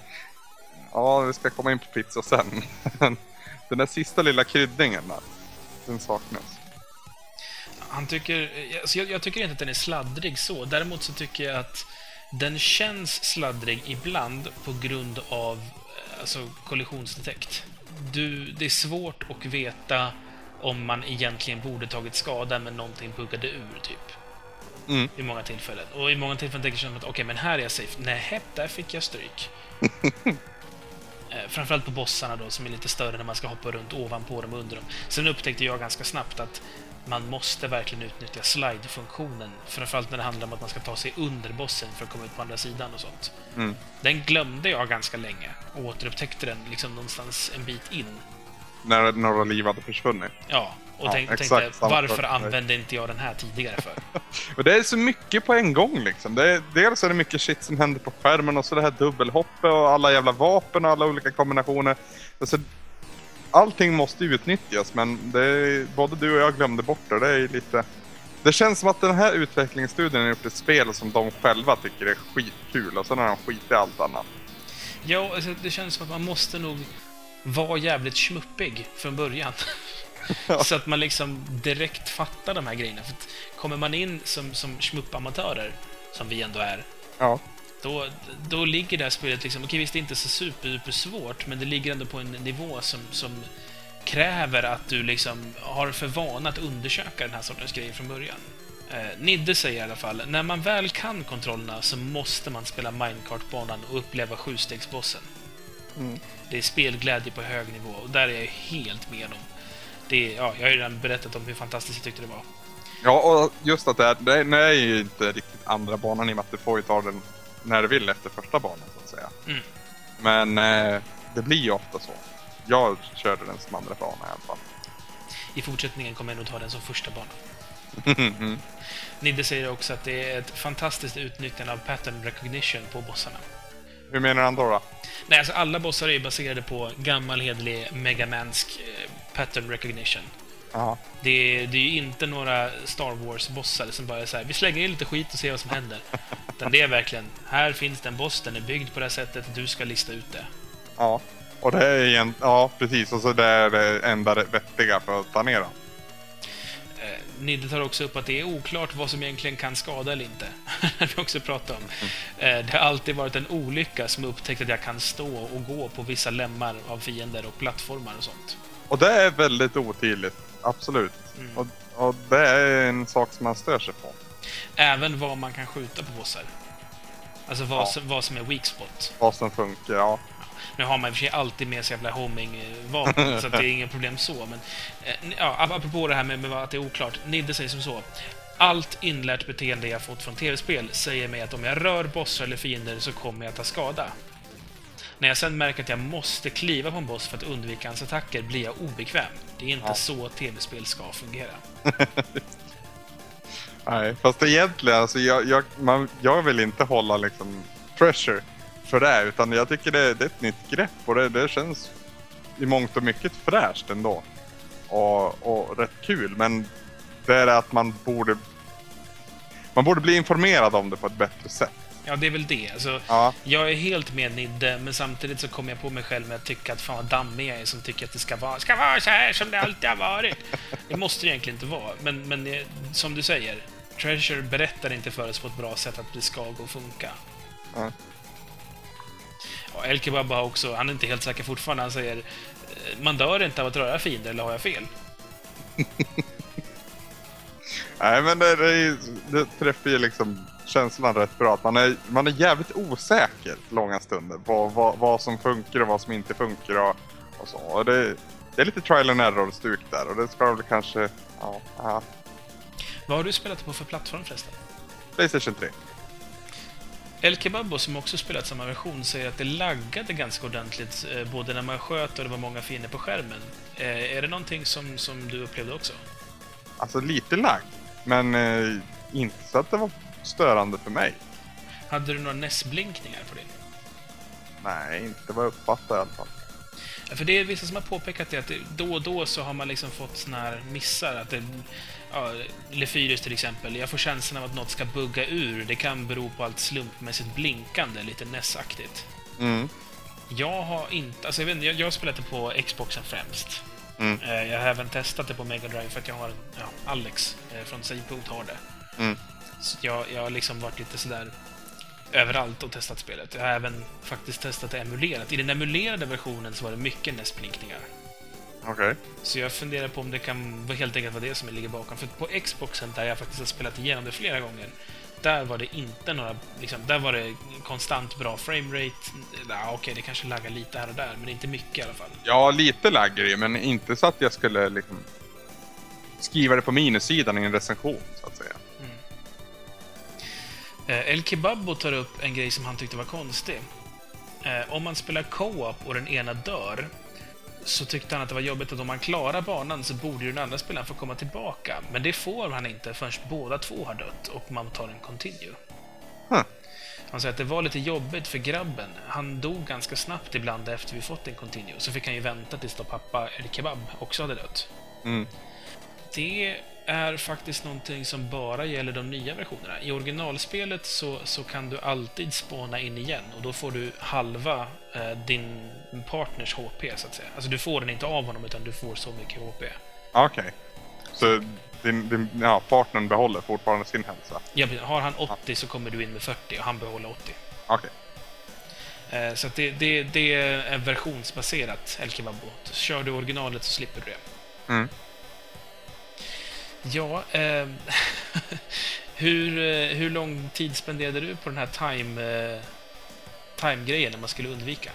På, på, på banan som är ett shoot 'em up, där man blir Life Force-bana helt plötsligt. Mm, alltså jag, jag vet vilken bana jag menar, men jag, jag håller på att somna. Nej, jag håller inte på att somna, men det är väldigt, väldigt lång tid. Jag, jag är ingen smuppare. Det kommer ju en, en fiende alltså, som, som ställer frågan då, typ hur länge klarar du dig? Och sen så kan man skjuta honom ganska så enkelt, bara plutt, plutt, plutt så är han död. Men eh, det är en timer hela tiden igång. Mm. Jag spenderade lite tid på den och det, den är ju ganska lätt att undvika, så det är mest bara en fråga om orkar du sitta här tillräckligt länge? Mm. Eh, till slut så gav jag upp hade ihjäl men så tänkte jag att det där måste det finnas något speciellt med. Så jag satte mig ner och googlade faktiskt upp det hela. Och det, det är ju konstant en timer som är igång då, och den timern kan absolut max nå 100 minuter. Det vill säga Oj. en timme och 40 minuter. Mm. Om man fixar det så säger, står det på skärmen “Give up”, som är att den ger upp. You opened Satori Mind, reprogrammed by 1993 Nami, Soul Bonus 90, 930 410. Oj. Men that's about it. Ja, det är skönt med Google kan man väl säga. Ja, då blev jag förstås nyfiken på You opened Sato- the Satori Mind. Mm. Och tänkte, jaha, okej, vad är detta då? Och så står det Reprogrammed by Nami. Och Namis namn dyker ju även upp i slutet, så det är ju en programmerare på, på hos Treasure i alla fall. Mm. Men då blev jag jävligt nyfiken på så här, okej, reprogram. Det är alltså någon som har gjort det här först och så är det någon som har programmerat om det. Så tänkte jag, okej, men den ursprungliga programmeraren måste ju vara Satori. Mm. Och det kollade jag upp och det stämmer inte heller. Satori är någon slags eh, buddhistiskt, eh, buddhistisk term som betyder i princip att man har så här lugnet och, och eh, tålamodet, typ. Lite chi.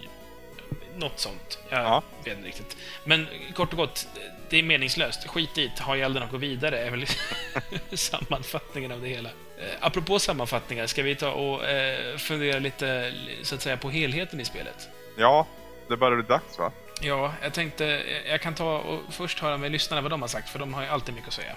Ja. Nidde säger, jag hade väldigt kul med Gunstar Heroes. Ett oerhört oväntat svar på Contra, Harkel Harkel, från Segas sida, som är ett riktigt bra spel med fint djup. Ja. Treasure bör vara oerhört stolta med vad de lyckats med. Ett spel som inte bara är snyggt och kul att spela, det är innovativt, kreativt och humoristiskt på rätt sätt. Det har han faktiskt en poäng med, för det finns mycket humor i det här spelet. ja, det gör det.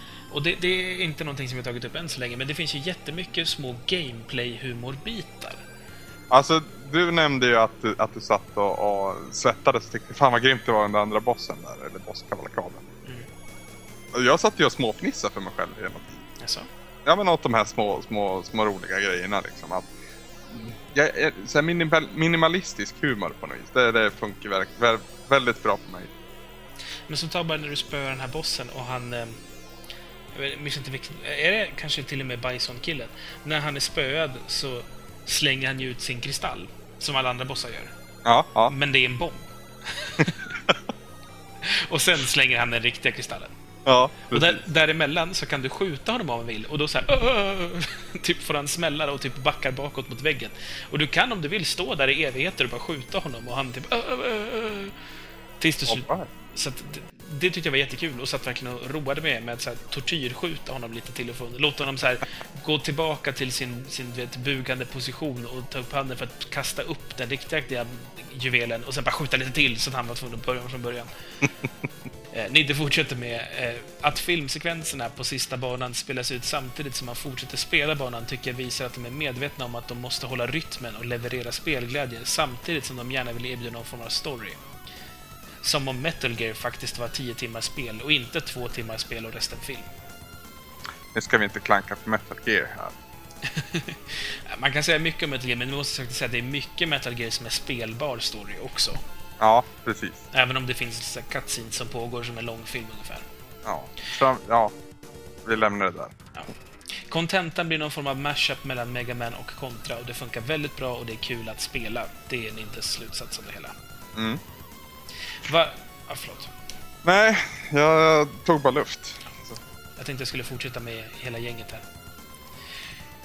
Vargavaka säger, vad jag gillar mest med Gunstar Heroes är det höga tempot och den stora mängden fiender och bossar att ta sig an. Och det håller jag med om. Det är ju det, är ju det som gör spelet, att det är liksom så energiskt hela tiden.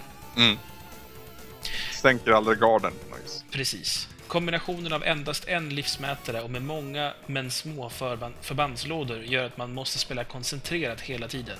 Jag slänger inte bort liv på samma sätt som jag gör i Metal Slug. Nej. Ja, det är i och för sig. Fast å andra sidan så har man ju oändligt med dem, så det är ju bara dör man så dör man, det är inte hela världen liksom. Precis. Vargavaka säger också att spelets största brister i mina ögon är att de tappar fart så mycket mot slutet. Det har väl... Ja. Jo, men det gör det ju. Men det är ju för att det inleder i 220. Eller ja, först är det ju påfarten där med inledningsbanan. Men redan under tågbanan, eller vad man ska säga, så är det ju full blås. Och det är, ja... Det är svårt att hålla det uppe.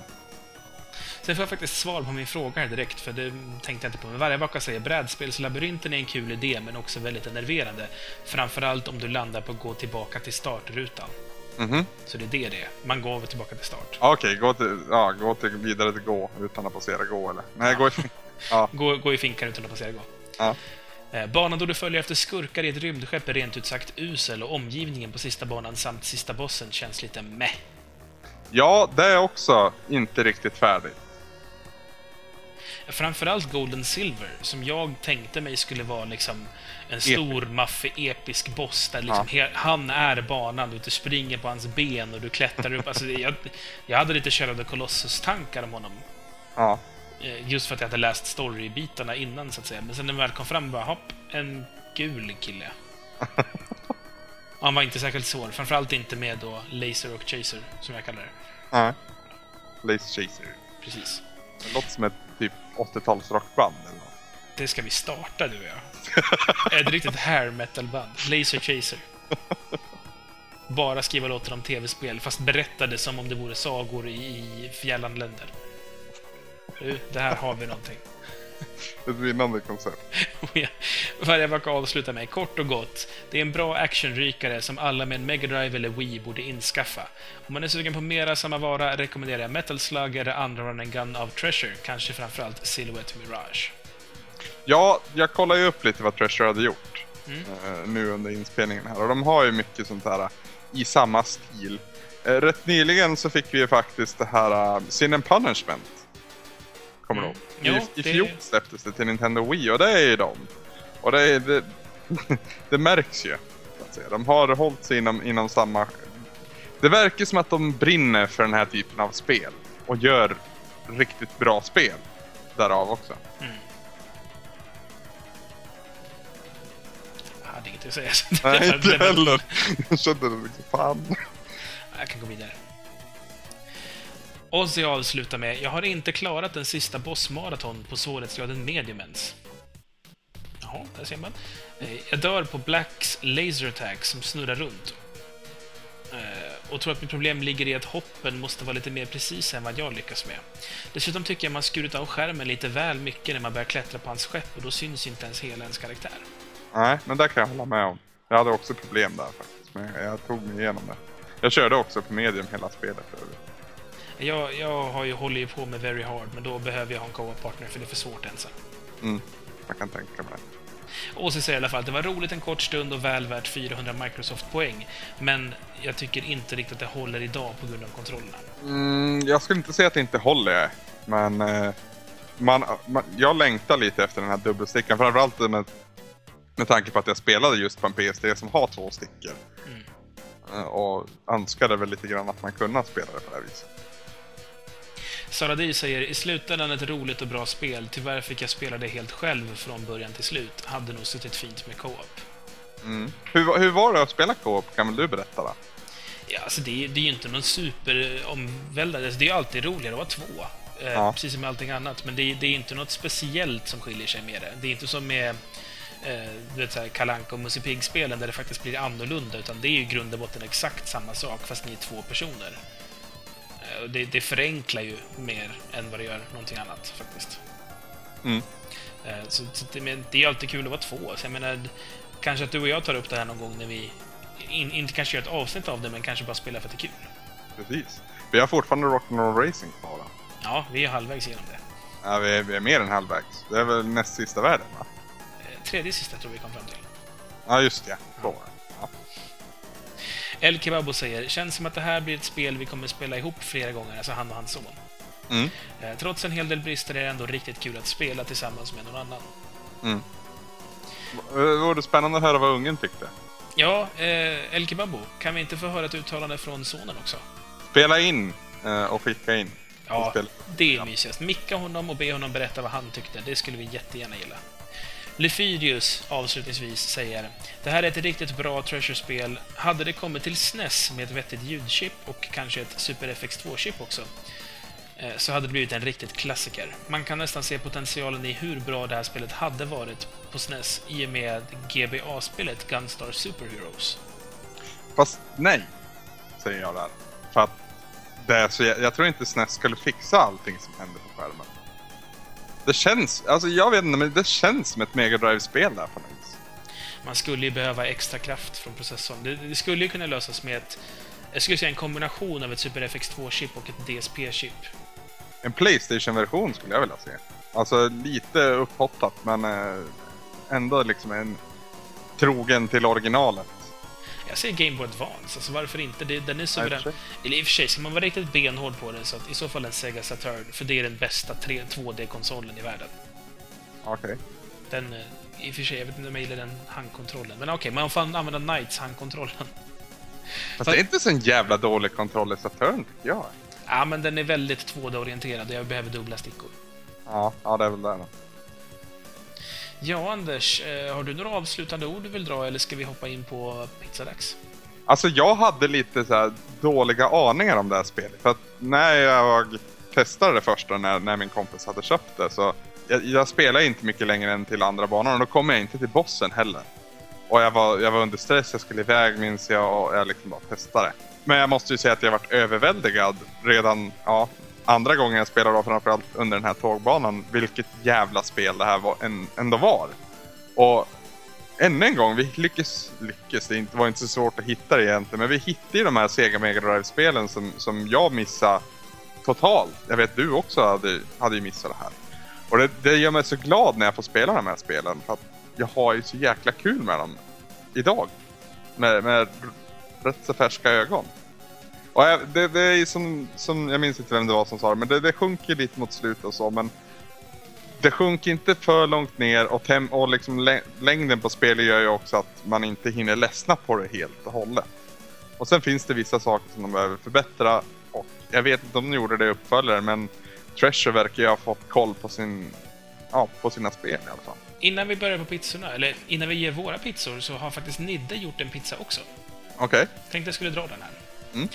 Min pizza för det här blir någonting som kallas opera med räkor, oliver och gräddfil, när jag beställde den senast. Opera är en pizza med tomat, ost, skinka och tonfisk. Grundpizzan kommer från att det är något fel på den redan från början, då det är en pizza med skinka och tonfisk. ja. När skulle du kombinera skinka och tonfisk liksom? det har ni rätt i. Men när man slänger på oliver som passar väldigt bra med tonfisk så börjar det likna något. Man börjar haja grejen.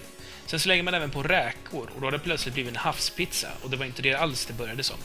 Men det ligger ganska bra i smaken ändå. Som grädden på moset klickar man även på lite gräddfil efter tillagning, vilket ger en väldigt fin komplettering till tonfisken, oliverna och det hela. Och det som började som en väldigt ifrågasättande blir istället väldigt spännande och gott. Det är en kul beställning som kommer helt från vänster planhalva och förvånansvärt, förvånansvärt nog blir bra i slutändan. Mm. Ganska fin pizza tycker jag. Nidda var väldigt delaktig i det här programmet, det tycker jag är kul. Ja, alltså överlag, vi har haft väldigt god lyssnarrespons på spelet här. Vi har ju inte behövt göra något jobb alls. Så. Egentligen inte. Eller okej, vi har ju sammanställt kommentarerna, men det, det är typ det. Anders, vad har du för pizza? Jag har en pizza från Titanic i Sjöbo. Mhm. inte ett oväntat. Det är en pizza som jag åt i, i sällskap av eh, Nidde och Tobbe. Eh, En kycklingpizza som jag inte kommer ihåg namnet på. Jag skulle vilja säga att den heter Amore, men jag är inte riktigt säker. Men den består i alla fall av tomat, ost, skinka, kyckling, färska champinjoner och lök. Låter ju på förhand riktigt jäkla bra. Men det är, ja, det är även kebabsås till den här glömde jag säga. Eh, en, en riktigt okej kebabsås. Men smaken blir lite enkelspårig på något vis. Alltså kycklingen har ju en väldigt basic smak. Alltså allting smakar ju som kyckling vet du. Champinjoner smakar inte så mycket. Lök smakar inte så mycket förutom... Ja, framförallt inte när den ligger på en pizza. Grejen med den här pizzan det är att som jag gjorde när jag åt den hemma hos Tobias så slängde jag på lite tabasco och genast vart det en suverän pizza. Den här pizzan knutet till spelet saknar den här tabasco-stänket som den hade behövt för att vara en riktig fullpoängare. Men en riktigt god, vällagad och bra kombinerad pizza ändå. Som, ja, saknar den här lilla extra kryddningen. helt. Jag är lite inne på ett spår som liknar lite Niddes här, för det är också en, en sån här pizza som man inte riktigt var med på. Ja. Eh, I mitt fall så är det en marinara. Känner du till den? Jag har sett den på någon meny, men det, det skiljer sig ofta. Ja, det, det är lite olika varianter, men den jag tänker på, där är det tomatsås, ost, räkor och musslor. Mm. Det är en, det är ju en, en väldigt speciell pizza. Det är ju en te, temapizza, verkligen. Det smakar ju inte som en, som en random pizza, utan det är verkligen räkor, väldigt speciell smak, mycket dill, mycket salt. Musslor i sin tur också väldigt, spe- väldigt havsig smak. Havsig, du menar havsaktig? Ja, havsaktig. Ha, Havsig är ju slarvigt annars. ja, havig smak. hur, som i alla fall. Eh, grejen med den här pizzan är att för att den ska bli riktigt, riktigt bra, eller snarare för att den inte ska vara skit, så kräver den färska räkor, färska musslor. Mm. Allt på burk går bort. Man måste kunna komma med ordentliga ingredienser till bordet. Mm. Det kan Treasure. Treasure har uppenbarligen med sig färska räkor och färska musslor i det här spelet. De, de vet vad de sysslar med. Däremot så tycker jag att de går lite för långt, för de förstärker ytterligare den här smaken genom att slänga på extra dill. Och det är det som gör hela skillnaden. För att dillen gör att den blir mycket snävare i smaken. Det blir ännu mer hav, hav i det hela. Jag kan förstå att en göteborgare med feskekörka tycker att det är skithärligt. För min del så tycker jag att det blir lite väl, och den känns också lite slarvigt bakad. Det känns som att personerna som gör det här, de, de kan grundpelarna i hur man komponerar en pizza och hur man bakar en pizza. Men det finns ingen riktig liksom grundad, solid expertis som kan säga ja, fast glöm nu inte att du måste ha det på först och sen det här, för annars så händer det här och det här. Mm. Och det är det som jag tycker kan göra en liten, liten brist. Så det är en väldigt speciell pizza. Den är väldigt, väldigt god, för de har ju som sagt bra råvaror och en pizza kan inte vara så jävla felbakad att det blir riktigt äckligt. Men, men lite av det här liksom deghanteringen har inte riktigt gått hundraprocentigt, så det blir inte riktigt top notch, men det är en väldigt god havspizza. Veckans musikpaus är för första gången en önskning från en av våra lyssnare. Eh, uppmärksamma människor upptäckte att jag för några dagar sedan twittrade om att jag vill ha önskemål för eh, framtida musikpauser. Då. Och jag har fått många bra mejl och bra tips, så det tackar jag givetvis för. En av de som skickade in var Daniel Westerlund, eller Trass, som vi känner han med som. Och han önskade att vi spelade låten 8 Bytes med Unicorn Kid. Så det tycker jag att vi gör.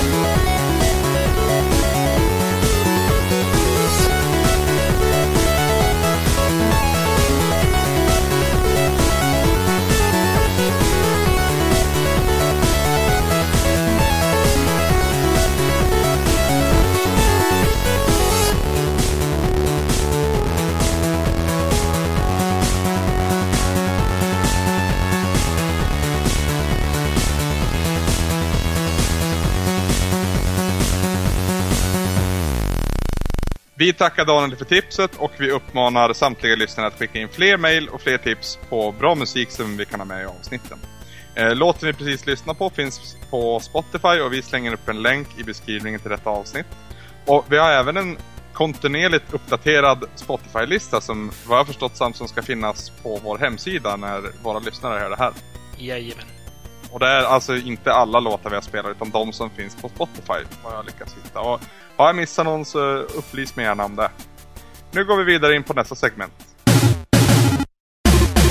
Och då undrar jag Samson, är du sugen på en saga? Jajamän. Tror du våra lyssnare är det då? Det hoppas jag verkligen. Ja, jag också. Senast så inledde vi ju sagostunden om Chrono Trigger och där fick vi lära känna Chrono, Luca och Marley. Eh, fick ju som ni kanske minns åka bakåt i tiden för att rädda Marley men blev anklagad för kidnappning när han förde henne tillbaka till modern tid. I sin fängelsecell lämnade vi honom sist och det är där veckans sorgstund tar vid. Croner ska ju som bekant avrättas inom tre dagar men det här tänker inte han acceptera och börja föra väsen och muntligt bråka med de två vakterna som är stationerade utanför cellen. Efter ett tag rinner bägaren över för en av dem, han går in i cellen och ger Croner en rejäl smäll. Cronen faller bakåt och det tar tid innan han återfår medvetandet. Eh, men när han väl är på benen igen skyndar han sig förbi vakten och lyckas ta sig ur cellen. Väl utanför får han slåss mot de två vakterna, men de är inga större bekymmer för vår hjälte och ganska snart har de båda fallit. Efter det börjar han utforska fängelset han sitter i. Det verkar först och främst som han är ensam på området. Förutom några vakter här och där så är det allra flesta fängelsecellerna tomma. I en av cellerna, i jakt på skatter och värdefulla föremål, så ställs jag dock mot ett skelett. Fienden bjuder inte på så vidare mycket utmaning, men det verkar onekligen som detta fängelse är hemsökt av eh, tidigare gäster. Kronos smyger och slår sig fram genom fängelsets olika delar om vartannat. Det här fängelset det verkar bestå av två massiva torn som är liksom anslutna med, med, med broar mellan varandra och man får successivt ta sig längre och längre upp. Då. Chrono tar sig eh, längre och längre upp och når till slut fängelsechefens kontor. Eh, som försöker kalla på förstärkning. Men från skuggorna dyker Luca upp och eh, knockar chefen med hennes pistol.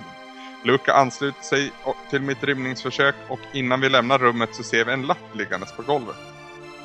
På lappen kan vi läsa lite instruktioner om hur en viss Dragon Tank fungerar. Vad den har för styrkor, vad den har för svagheter och så vidare. Men det, med detta beger vi oss upp för trapporna och ut på den sista bron. Och inte helt oväntat så får vi också möta en boss här. Eh, en Dragon Tank påhunsad av en, den här rådgivaren som anklagade Chrono och såg till att han blev dömd till döden. Rådgivaren är väldigt angelägen om att Chron- Chronos liv faktiskt ska ta slut och skickar därför denna pansarvagn mot oss. Eftersom vi läste den här instruktionsboken för denna tank så vet vi ju dock hur den fungerar och vi kan anpassa vår taktik därefter. Vårt första mål blir att slå ut tankens huvud eftersom den annars konstant healar upp den övriga eh, ja, tanken. Efter det så tar vi ut eh, fiendens möjligheter att flytta på sig innan Chrono total demolerar den med, med sitt svärd i en väldigt snygg posering. Den här explosionen som uppstår från tanken skapar ett hål i, i bron som rådgivaren och hans underhuggare faller ner i. Men de lyckas klamra sig fast i kanten och varandra.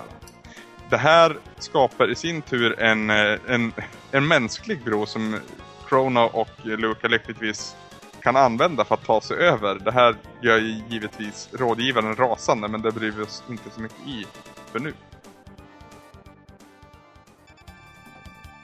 Vi tar oss vidare från tornet ner för en rad med trappor och springer där rakt in i en grupp av vakter. Samma vakter som inte för alls för länge sedan arresterade och fängslade Chrono. Vi försöker fly dem så gott det går men de blir fler och fler och till slut så blir vi omringade. Lyckligtvis så äntrar Marley bilden och beordrar vakterna att släppa oss fria. Och lagom har vakterna lytt Marleys order innan kungen förföljd av sin vidrige rådgivare kommer in i rummet och de båda ifrågasätter vakterna och Marleys lojalitet mot kronan. Marley förklarar att hon hellre är lojal mot sitt, mot sitt folk än eh, kronan och ansluter sig till oss och tillsammans flyr vi från slottet och hamnar i Gardiaskogen. Med kungens vakter hack i häl så flyr vi genom skogen. Vi kommer till en skogsglänta där vi noterar en liten portal som eh, vi bestämmer oss för att utnyttja precis innan rådgivaren med tillhörande vaktstyrka anländer. Vi färdas därmed återigen i tiden, eh, men inte bakåt denna gång utan istället framåt. Hela 1300 år framåt i tiden. Vi anländer till en plats som kallas Bangor Dome och världen vi anländer till är en nedsliten, förstörd och förgiftad värld fylld av mutanter och andra otäckheter. Till viss del påminner den här faktiskt om eh, Kefkas flygande ö i Final Fantasy 6. Minns det? Mm. Sista etappen där med, med Kefka. Han, hans egna värld så att säga. Det verkar onekligen som den här världen har gått under i denna tid och vi kommer få veta mer varför inom kort.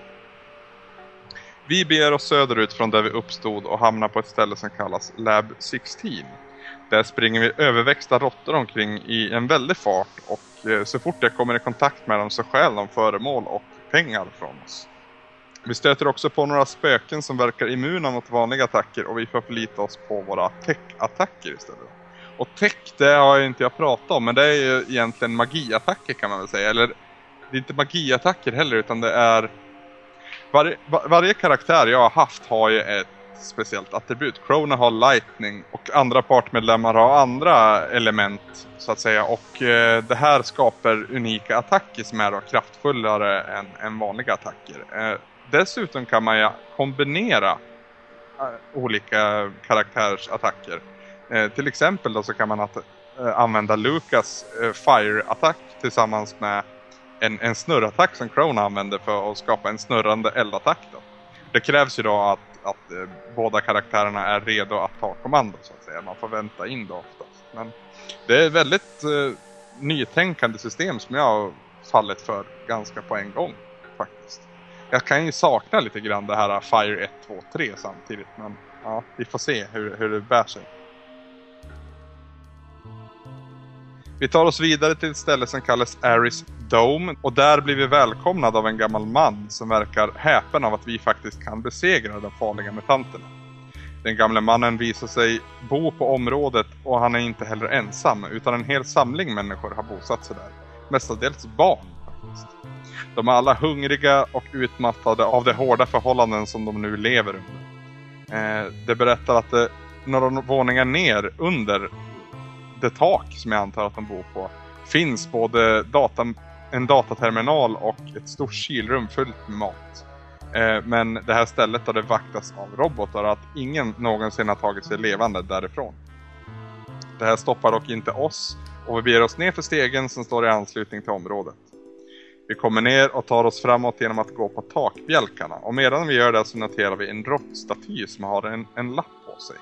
Lappen läser att den som vågar sig närma lagringsrummet kommer bli attackerad och eliminerad. Vi ger oss dock inte utan vi fortsätter framåt och når ett rum och så fort vi kommer in i rummet så slår ett larm igång och kort därefter så faller en stor robot ner från luften och utgör därmed ännu en boss. Bossen är en så kallad Guardia-robot och till sin hjälp har han två mindre svävande robotar. Och snart märker jag att taktiken för denna boss är att först ta ut de mindre robotarna för att sedan koncentrera sig på den större eh, innan han återväcker smårobotarna. Gör man inte på det här viset och attackerar den stora först så har han en väldigt elak eh, counterattack. Och fighten blir ju tack vare den här taktiken rätt långdragen i och med att man först konstant måste ta ut de här små jäklarna. Men, eh, men vi har gott samarbete och Marley sköter helandet medan Luca och Chrono står för offensiva. Och efter ett tag så är den här Guardia-roboten besegrad. Och de här små också då. Med det så kan vi komma åt kylrummet. Men vi möts direkt av en vedervärdig stank då det visar sig att strömmen har brutits till kylrummet och allt har ruttnat och möglat bort. Marley upptäcker snart också ett lik i hörnet av rummet som i sin hand håller ett frö samt en bit papper som avslöjar att råttstatyn vi sätter på tidigare inte bara är en staty. Eh, den bär faktiskt på hela områdets stora hemlighet. står det. Vi beger oss lite besvikna tillbaka till bjälkarna och får anstränga oss ordentligt för att försöka få tag i den här råttan som nu är väldigt mobil. Men när vi väl gör det så berättar den att vi kan öppna nya vägar i byggnaden genom att använda oss av olika knappkombinationer. I det här fallet att vi ska hålla i eh, Super Nintendos triggerknappar medan vi trycker på A-knappen. I rummet efter så använder vi oss av denna kombination och vi öppnar därmed en ny väg genom byggnaden.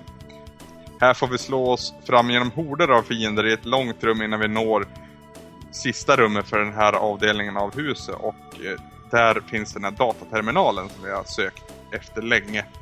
Luca använder denna terminal för att söka reda på ett lämpligt ställe att öppna en ny portal och återvända hem till vår tid och vi lokaliserar den eh, en rätt så bra bit österut på, på kartan för denna värld och tid. Marley låter sedan hennes nyfikenhet ta över och hon trycker på en andra knapp som startar en videouppspelning från året 1999. Den visar först världen som vi känner till den, en grön, blomstrande och väldigt fridfull värld, mycket lik den vi kommer ifrån. Men snart börjar saker gå riktigt illa och ett stort monster reser sig från underjorden och börjar terrorisera världen. Den här katastrofen är alltså orsaken till att världen år 2300 ser ut som den gör. Det enda som har överlevt är de människor som fanns i skyddade förhållanden under katastrofen. Ute i världen har mutanterna istället tagit över och människan står inför total utrotning. Vi får också veta att det här monstret kallas Lavos och att eh, det har legat i jordens kärna under en väldigt lång tid innan han då år 1999 reser sig upp från underjorden. Mar blir hemskt tagen av denna information och menar på att vi i gruppen borde försöka förhindra dessa hemskheter på samma sätt som Krona ändrade historien när han reste tillbaka i tiden och räddade henne. Som ni minns så höll ju eh, Marley på att försvinna ur, ur historien helt enkelt för att hennes tidigare släkte höll på att dödas. I, ja, som vi pratade om i förra avsnittet helt enkelt. Marty McFly-konversionen kan vi kalla det. Ja, men precis. Luke är också helt med på den här planen och efter lite övertalning från de båda så har Krona också bestämt sig för att försöka för förändra världens öde. De tre de beger sig till taket igen och levererar de tråkiga nyheterna till människorna där som suttit och väntat sig mat. Marley ger dem dock det här fröet och menar på att det här kan vara början på, no på något nytt. Den gamle mannen tycker att vi är lite konstiga som utstrålar sådan positivitet men han misstänker att detta beror på att vi fortfarande har hälsan välbehållen. Han ger oss i alla fall ett par nycklar till en motorcykel som kan ta oss dit vi ska. Vi har nu alla ett tydligt mål i vårt uppdrag, att vi ska försöka förhindra en katastrof som inträffar under 1999. Men hur det går och hur våra hjältar ska ta oss tillbaka till deras tid får ni höra i nästa veckas sagostund. Och som du märker Samson så är det lite kortare den här veckan. Mm. Det blev det. Eh, ja. Eh, dels på grund av att vi inte har den här informationen som vi hade i början av förra veckan. Eh, och dels för att ja, det, det fick, jag har haft jävligt mycket att göra och jävligt mycket jobb och så. Så jag har inte haft tid riktigt, tycker jag. Och jag tror vi ska vi ska inte lova för mycket med Chrono Trigger utan det kommer bli små portionspåsar helt enkelt. Inte de här episka en och en halv timmes sagostunderna. För att det kräver så mycket. Jag ska inte lova det, men sen om det händer någon gång så är det bara en bonus. Eller vad säger du? Jag tycker det låter faktiskt ganska rimligt. Ja, hoppas nu att eh, det inte blir någon ramaskri på alla Sagostunds-fans. Du kommer ju tillbaka senare. Jag kommer ju tillbaka.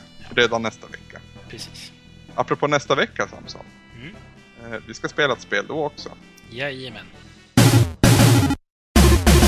Nästa vecka tar vi oss an ett spel som heter Goblins med tre stycken i och det är önskat av ingen mindre än Andreas Ljungström från Radio Speltorsk. Det var faktiskt en av de första önskemålen vi fick in någonsin, tror jag. Ja, det är ju rätt så roligt det här för att det här spelet önskade han och vi misstog det som Coasting Goblins till Nintendo 8-bitars. Och, och vi tyckte ju si och så om Coasting Goblins. Men det var en viktig, det var en viktig milstolpe i vår historia i alla fall. Ja, det var så här, bland det svåraste spel som någonsin har gjorts tog vi an som det andra spelet någonsin i Retresan. Vi satte ju ribban där. Vi, eh, vi är inte så smarta helt enkelt.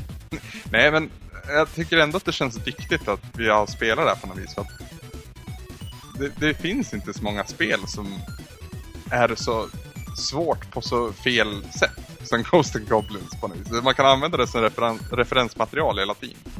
Precis. Kommer du ihåg det där skittråkiga, jättesvåra spelet? Det är inte så här dåligt. Precis. Hur som helst i alla fall. Goblins i alla fall. Jag, jag, jag tänker kalla det för Goblins, även om det egentligen ska heta Goblins säkert. Mm. Utvecklat av ett företag som heter Cocktail Vision. Känner du igen dem sen tidigare? Inte ett dugg. Nej, inte jag heller faktiskt. Jag tänkte att jag måste ju ta reda på lite mer. Det, det enda jag vet om dem det är att det är ett franskt utvecklarteam som mest sysslade med äventyrsspel i, ja, under 80-talet och även en bit in på 90-talet. Mhm. Mm. Ehm, och de köptes senare upp då av Sierra, eh, så att de fick liksom bli en del av Sierra Online.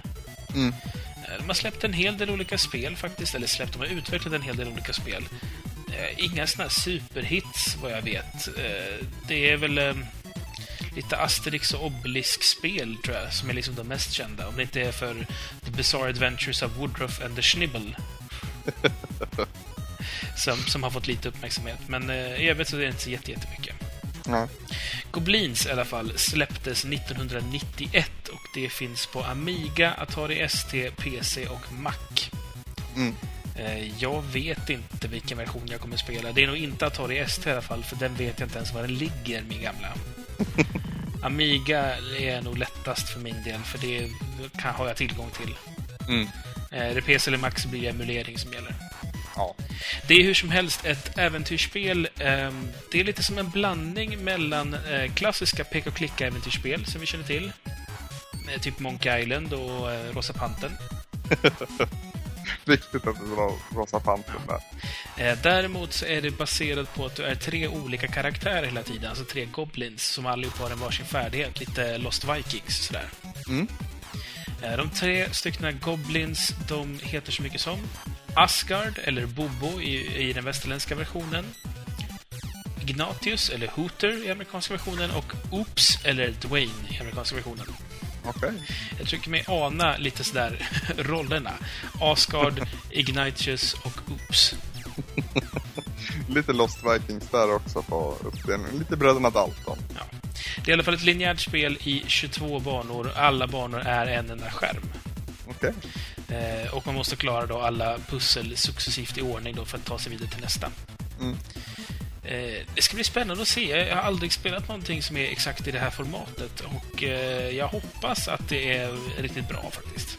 Ja, det, det hoppas jag. Det ska bli spännande att se vad, vad herr Ljungström ville med, med den här önskningen. Om man ville förstöra vårt psyke eller om, det, om man tyckte det var jäkligt mysigt bara. Ja, det har ju fått ganska hyfsade betyg i alla fall. Och det finns ju även tre uppföljare. Den fjärde släpptes faktiskt förra året. Oj. Jag, jag pratade med mina Sjöbo-vänner här. Som är, och de trodde att antalet in var indikering på vilken, vilket spel i ordningen det var. Eh, det stämmer sådär, för det första spelet heter det med tre in. Ja, Det andra spelet heter också det med tre in. okej. Det tredje däremot heter Goblins Quest 3. Okej. Så det stämde inte alls. Nej. Sen Det hade varit kul. Det hade varit kul. Det är säkert för oss folk, för att skilja dem åt, så är det säkert folk som kallar dem för Goblins, Goblins och Goblins. För ja, att hålla koll på dem. Men, men eh, det ursprungliga spelet hette det med tre i. okej. Har vi löst ut det. Ja. Men då, Anders, då börjar det bli dags att runda av för dagen, tror jag. Jajamän. Som vanligt så vill vi jättegärna att ni kommenterar och det gör ni antingen via retoresan.se eller på våra respektive forumtrådar. Länkar för det finns på vår sajt. Man kan också lämna kommentarer via Facebook, då adressen facebook.com retroresan. Man kan också twittra till oss, där heter vi Retoresan, och man kan mejla till kramkalas retoresan.se. Och om man skulle träffa mig eller Anders någonstans på stan, så hojta kramkalas så vet vi att ni är en av de coola och då får ni också en kram och kanske någonting mer. En autograf eller något. Shit, vad du är efter då. Prenumerera gör man som vanligt via RSS eller via iTunes och är ni inne på iTunes, lämna jättegärna en recension. Då syns vi lite mer på den iTunes-affären och i och med det så får vi ännu fler lyssnare och ännu fler som hakar på oss och så småningom tar vi över hela världen. Precis. Vilket Med- var vårt mål från allra första början. Tyst, inte så de hör. Ja, just det. Och där får vi stänga boken för idag. Jag heter Samson. Och jag heter Anders. Målet är ingenting. Resan är allt.